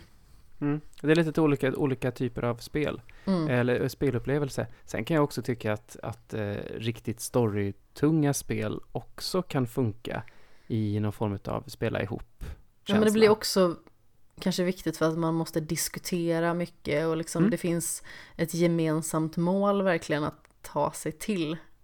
Ja, det knyter an lite grann så som jag, det som vi pratade om, att så som jag hade med min exfru, att vi, att vi pausade film hela tiden och bara diskuterade tillsammans eh, vad vi trodde och sådär och, och sådana grejer. Ja, och det är ju jättekul för att då har liksom då väcker man ju intresset hos båda parter och Mm. båda behöver liksom vara engagerade. Ja, och jag, och jag gillar verkligen när man känner att man tillsammans är hängiven till någonting. Ja, jag håller med Det- jättemycket. Jag kände att jag gick nästan upp lite i falsett där. Det blev lite... nej, men, nej, men, nej, Men men ja, alltså, verkligen. känna, känna att vi två tillsammans nu gör detta tillsammans och man är liksom, man är hängiven, man är 100% committad och man sitter inte och pillar med telefoner eller du vet är upptagen med, med annat eller andra utan att nu gör vi det här ihop och det är så jäkla gött. Jag Ja, gillar det verkligen. jag håller med till fullo. Jag hade verkligen varit intresserad av att sätta tänderna i något större spelprojekt men just nu känner jag faktiskt att co-op är jätteroligt. Jag har liksom aldrig upplevt det riktigt på det sättet innan. Inte spelat så jättemycket. Men ta Guacamele till exempel, det är ju jätteroligt verkligen. Mm. Ja, visst, visst, var det Älskar ett, eh, visst är det ett bra spel? Eller båda spelen är bra men... Ja. Suveränt bra. Båda två. Förvisso inte klar med andra spelet än på ett litet tag. Mm. Alltså det är ju superroligt, det är jättecharmigt. Det har sån självdistans på något vis. Spelar ni tillsammans eller, eller byter ni, skick- skickar ni handkontrollen eller kör ni Nej, vi båda spelar samtidigt? co-op. Okej. Kunde man göra det i ettan också? Ja, det kan man. Okej. Mm. Så jag spelar eh, Tostada. Eh, den här bikaraktären då, eller vad man ska säga. Som Mm. man kan eh, kalla in ifall man vill spela co-op. Det är ju, Mm. Jag tror det är i, två, i tvåan kan man vara fyra samtidigt va? ja jag tror det. Och sedan så kan man mer välja karaktärer. Man kan ju vara den här getsnubben till exempel. Ja just det. Jag älskar att man kan förvandla sig till get i tvåan. Nej, nej förlåt, kyckling är det. Kyckling ja, men Ja. det blir man väl i första spelet också. Det kanske man blir. Ja. Fast här kan du ju faktiskt slåss som kyckling. Det, Ja, det kan man om man har den här eh, kycklingdashen till exempel. Mm, mm. Som är väldigt charmig också. Man har ju liksom mer möjligheter som kyckling i andra spelet. Men Mm, mm. man är kyckling i andra spelet. Eller i första spelet också. För länge sedan eh. spela ettan alltså, men ja. Ja, nej jag har ju just spelat det. Så Mm. jag var Precis. supernöjd med det. Jag, jag, jag tycker det är jätteroligt att spela hederlig co-op två personer. Mm. Det liksom blir en helt annan känsla också. Ja, så, precis. Och det, jag ty- tycker det är viktigt här att poängtera att det är soft co-op vi pratar om här och inte Ja, online precis. co-op. Nej, vi satt ju i... eh, Vi bodde ju i sängen typ hela förra helgen i stort sett. Vi var ute och eh, gick på bio och åt middag men sen så spelade vi ju nästan hela tiden. Mm. Vi spelade som galningar verkligen. Det var ju till och med typ på morgonen när jag vaknade, för jag vaknade ju ganska tidigt generellt sett. Då satt jag och jag satt, jag, jag la mig med min switch och så spelade jag lite och sedan så vaknade han och så gjorde han en liten inflikning bara att, ja men testa att göra så här istället. För då hade jag fastnat på ett ställe första gången i spelet. Och då lossnade det och så klarade Mm. jag spelet. Mm. så det är väldigt roligt. Jag, eh, jag hann inte med min, med min förra partner, alltså som jag bodde ihop med. Jag hann inte liksom sätta mig in i så mycket spel tillsammans med utan det blev liksom att spel var min grej och någonting som jag utvecklade nästan så här projektmässigt medan han var mer villig att bara sitta och nöta sina enstaka spel. Jag liksom försökte att, ja men vi ska inte spela lite mer av det här då, men han var liksom så här, nej men han spelade nästan bara GTA, han spelade nästan bara typ eh, Project 8 och de Tony Hawk-spelen liksom. Och typ 100% av allting som han spelade, men han spelade nästan liksom bara några få upplevelser. Såvida Mm. inte det var någon gång jag bara blev total sur och typ gick ut i eh, köket och svor och bara, men klara, kan du inte bara klara den här bossen till mig för den är bara dum. Och så Mm. någon gång var det att han försökte bara, för han hade suttit och äggat mig lite bredvid så här att, ja men, fasen tar du inte den här bossen för? Den ser inte så svår ut. Det var ju Nino Kuni vill jag minnas. Jag Mm. bara, prova själv då. Visst, visst. Det var lite så här Yrrol-grejen där. visst, visst. Eh, och så visade det sig att det var svinsvårt. Men lite, jag, li, lite, lite gött där va? Att det var svårt för honom också va? Ja, det var Mm. jätteskönt. Det var ju samma sak i, när jag spelade första Kingdom Hearts. Både, både han och min kompis satt och liksom undrade vad fasen jag sysslade med i den här djungelvärlden. Och jag bara, ja ah, men visst, prova själv då. Men den här förbannade skitplattformaren funkar ju inte alls. jag var verkligen så här riktigt bitter. Men det skulle komma till i alla fall, det är så himla härligt att dela spelintresset med någon. Mm. För det är liksom, det ger så mycket möjligheter. Jag, Mm. ja, det är liksom så här en helt ny värld-grejen verkligen. Jag har ju lite strategiskt börjat lägga fram eh, speltidningar. Tjejen gillar ju att läsa tidning och så, typ till frukost och sådär. Så helt plötsligt så ligger lite speltidningar på, på, på köksbordet. Nej men så oj, så det kan bli. Oj.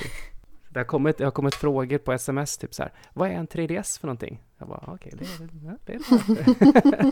Då läser de tidningen och inte riktigt förstår alla grejer så här, så måste han förklara. Fasen vad roligt. Vi får se vad den här indok- indoktrineringen kommer ta vägen. Ja men exakt. Helt plötsligt så finner hon sig liksom i att spela något jätteavancerat. Bara, fast han har gett mig in Ja, på. precis. Du, eh, en co-op-grej kan ju också vara att man eh, lite grann som vi har planer på att göra du och jag. Att vi ska eh, spela samma spel och sen så ska Ja. vi göra podcast om det. Det ska vi definitivt göra. Eh, det är ett projekt som inte vi riktigt helt har till- tillkännagivit än, men det kommer ju komma eh, relativt snart skulle jag säga. Ja, Någonting med det där. Eh, vi behöver prata ihop oss lite bara. Men börjar ja det behöver vi. Ja, men nu har jag en deadline så nu kan vi snacka om det off air sen. Ooh. Eh, men eh, nej, för det, det är någonting som jag, gjorde, jag har gjort eh, tillsammans med eh, flera stycken eh, utav mina spelvänner nu. Eh, Mm. Att göra podcast på det sättet och det, det skänker någonting annat också till upplevelsen. Att man verkligen får sitta på djupet, diskutera igenom någonting eh, i en podcast, för då, det gör automatiskt att man skärper upp sig lite grann och är, försöker vara lite mer proper och, och, och påläst än när man bara sitter och slöpratar om någonting. Ja men definitivt Eh. och det ger ju liksom så himla många fler dimensioner till en upplevelse. Mm. Att man djupdyker i någonting och det kan ju vara att dels att man inte förstår någonting fullt ut och sedan så kommer någon liksom bara och lägger ner poletten. Mm. Och så faller så himla många bitar på plats. Det är ju superintressant. Mm, mm. Ja, men verkligen. Dels Och liksom kan att man delar olika någonting vinklar också. på saker och ting och Ja men lite som i när ni spelar Mass Effect till exempel. Snacka om Det- olika vinklar, alltså det är ju något av det mest underhållande jag har lyssnat på. Det är ju så roligt. Och hur de andra blir så provocerade över liksom dina beslut bara för att du väljer att du ska spela Renegade. ja, Det är ju så eh, himla japp. roligt. det, är- det där är någonting som i allra högsta grad lever fortfarande. Jag får ju fortfarande utstå en hel del för det där. Nästan på daglig basis. Du, hur många gånger har du fått höra men du sköt ju Mordin i ryggen? Nej, det, det går inte riktigt att räkna de gångerna. Nej eller hur, det är liksom så här, det kan man ju inte lita på. Ja, det är så härligt.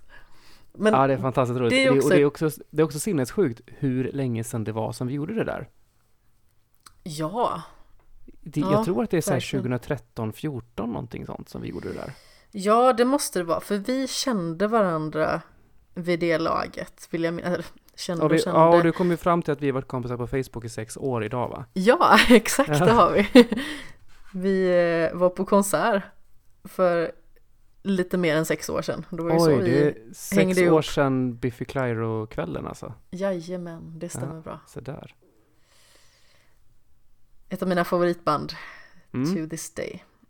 Ja men eh, hur som haver, alltså just det med som eran spoilercast till exempel, det är intressant vad spel verkligen kan göra med en och när man har sådana valmöjligheter som man har när man spelar Mass Effect. För att alla har ju sina liksom väldigt subjektiva upplevelser och det är liksom inte strömlinjeformat och framförallt som sagt hur upprörda vissa kan bli över beslut man fattar och det är liksom ändå, det är ju inom citationstecken bara ett spel. Mm, mm. Men vad det liksom kan mynna ut i, det är Ja. ju jätteintressant bara det. Bara ett spelgrejen ja. ja. Den har man hört ett par gånger. Men samtidigt så växer ju så otroligt mycket känslor och bara liksom det här med att men Peter fick aldrig ligga i Mass Effect och sådana grejer. Alltså det, så, det, det, det finns ju så himla många sådana roliga grejer. Alltså jag vet inte vad som är roligast, att han inte fick ligga i Mass Effect 1 eller att han skjuter ungen i slutet på trean och inte får något av sluten och sen inte fattar att det finns fler slut. Det är fruktansvärt roligt. Ja, ja.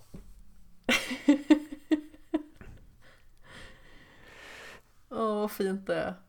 Ja, jag, men jag tänker, vad? jag vet inte vad jag tänker, vad skulle du säga Tobbe? Eh, Jag tänker att eh, jag tror att vi får avsluta eh, samtalet Ja. för den här gången. Som vanligt skulle vi Definitivt. kunna prata hur många timmar som helst. Ja, det var i stort Ehm. sett det jag tänkte gå in på också. Eh, men som sagt, vi har ju eh, vi har ju sett alla hjärtans dag passera i alla fall, men vi kände liksom att någonting lite relaterat till det änd- ändå vill vi prata om och jag känner ju Mm. att vi ser ju oftast på den här typen av grejer som någonting som det handlar kanske inte riktigt om att vi inte ställer oss bakom det utan det är liksom vi gillar ju kanske inte generellt sett någonting som hör till normen i det här fallet. Och jag tror att både du och jag står oftast kanske vid sidan av alla hjärtans dag och kollar på när alla andra liksom skickar en miljard hjärtan till varandra eller Ja, fluffiga gud, nallebjörnar. Jag är ju personligen själv sån att jag känner att det är inte direkt någonting för mig för det känns så himla fabricerat på något vis. Ja, det är det känns konstlat. Ja men det känns som att det inte fyller någon funktion för mig direkt. Eh, och jag måste ju verkligen säga då att, som en liten avslutning nästan på det här avsnittet, att det blir ju verkligen en okonventionell romanspodd, eller vad man ska säga. I och med att det spårade till både det ena och andra. Ja. Allt ifrån ansiktsblindhet till psykopati och seriemördare och så vidare. Ja, nej, jag sa det innan, jag har känt mig ovanligt pladdrig idag, så jag känner att jag inte riktigt hållit tråden med, jag har inte alltid haft en mening med, med saker jag har sagt, har jag känt. Men har det mer är varit ju att jag behövde roligt. bara pladdra av mig lite tror jag. Vi borde ju Ehm, nästan ha ja. någon form av sån här Nu pratar vi om bara vad som helst podd. Ja, precis. Eh, Det Egentligen, spårar ja. ur podden. Ja, men lite så, där vi bara kan prata av oss lite grann om saker Ja. och ting som inte är så kopplat till spel och sånt. Det är faktiskt fantastiskt härligt att göra det. Att bara låta tankarna gå och i stort sett tänka högt för det känns som att det är det man gör. Mm. I och med att Mm. vi är rätt lika på en, en del saker. Ja, men precis. Det blir som att vi tänker tillsammans. Ja. Men eh, om man vill hitta dig Tobbe, vart hittar man dig då för någonstans? Och eh, svampriket.se är väl samlingssamlingspunkten. Sen så finns det ju, jag gör ju allt möjligt där. Eh, podcast och eh, eh, podcast som är en aning mer sammanhängande än den här, eh, generellt. eh, men jag, jag streamar också mycket och, och eh, ibland händer det faktiskt att jag gör andra saker också. Video och, och text och sånt där. Ja, faktiskt. Det händer Mm. inte så ofta. Men eh, Härliga tider. Och eh, Ja. skämshögen hittar man ju på sociala medier i form av eh, Facebook, där heter skämshögen. Och eh, naturligtvis på Twitter och Instagram så är det snabela skämshogen. Och i allmänhet så finns skämshögen där podcasts finns. Man får jättegärna lämna en kommentar, det är ju jätteroligt för det kan oftast leda till diskussion och eh, fler härliga ivägsvävningar får man ju lugnt säga. Och eh, Tobbe, jag får tacka dig så himla mycket för att du ville komma tillbaka. ja då, det var jättekul. Jag är snart tillbaka igen säkert. Det, det det säkert. Säg, säg, säg, säger jag utan att... Du bjuder in dig själv här och Ja, nu. uppenbar, uppenbarligen så gör jag det. Nej men alltså, det är alltid trevligt. Härliga tider. Eh, Kära lyssnare, jag hoppas att eh, ni följde med på hela ivägsvävningen och jag tackar i sedvanlig ordning med en liten pussljumske. Puss puss!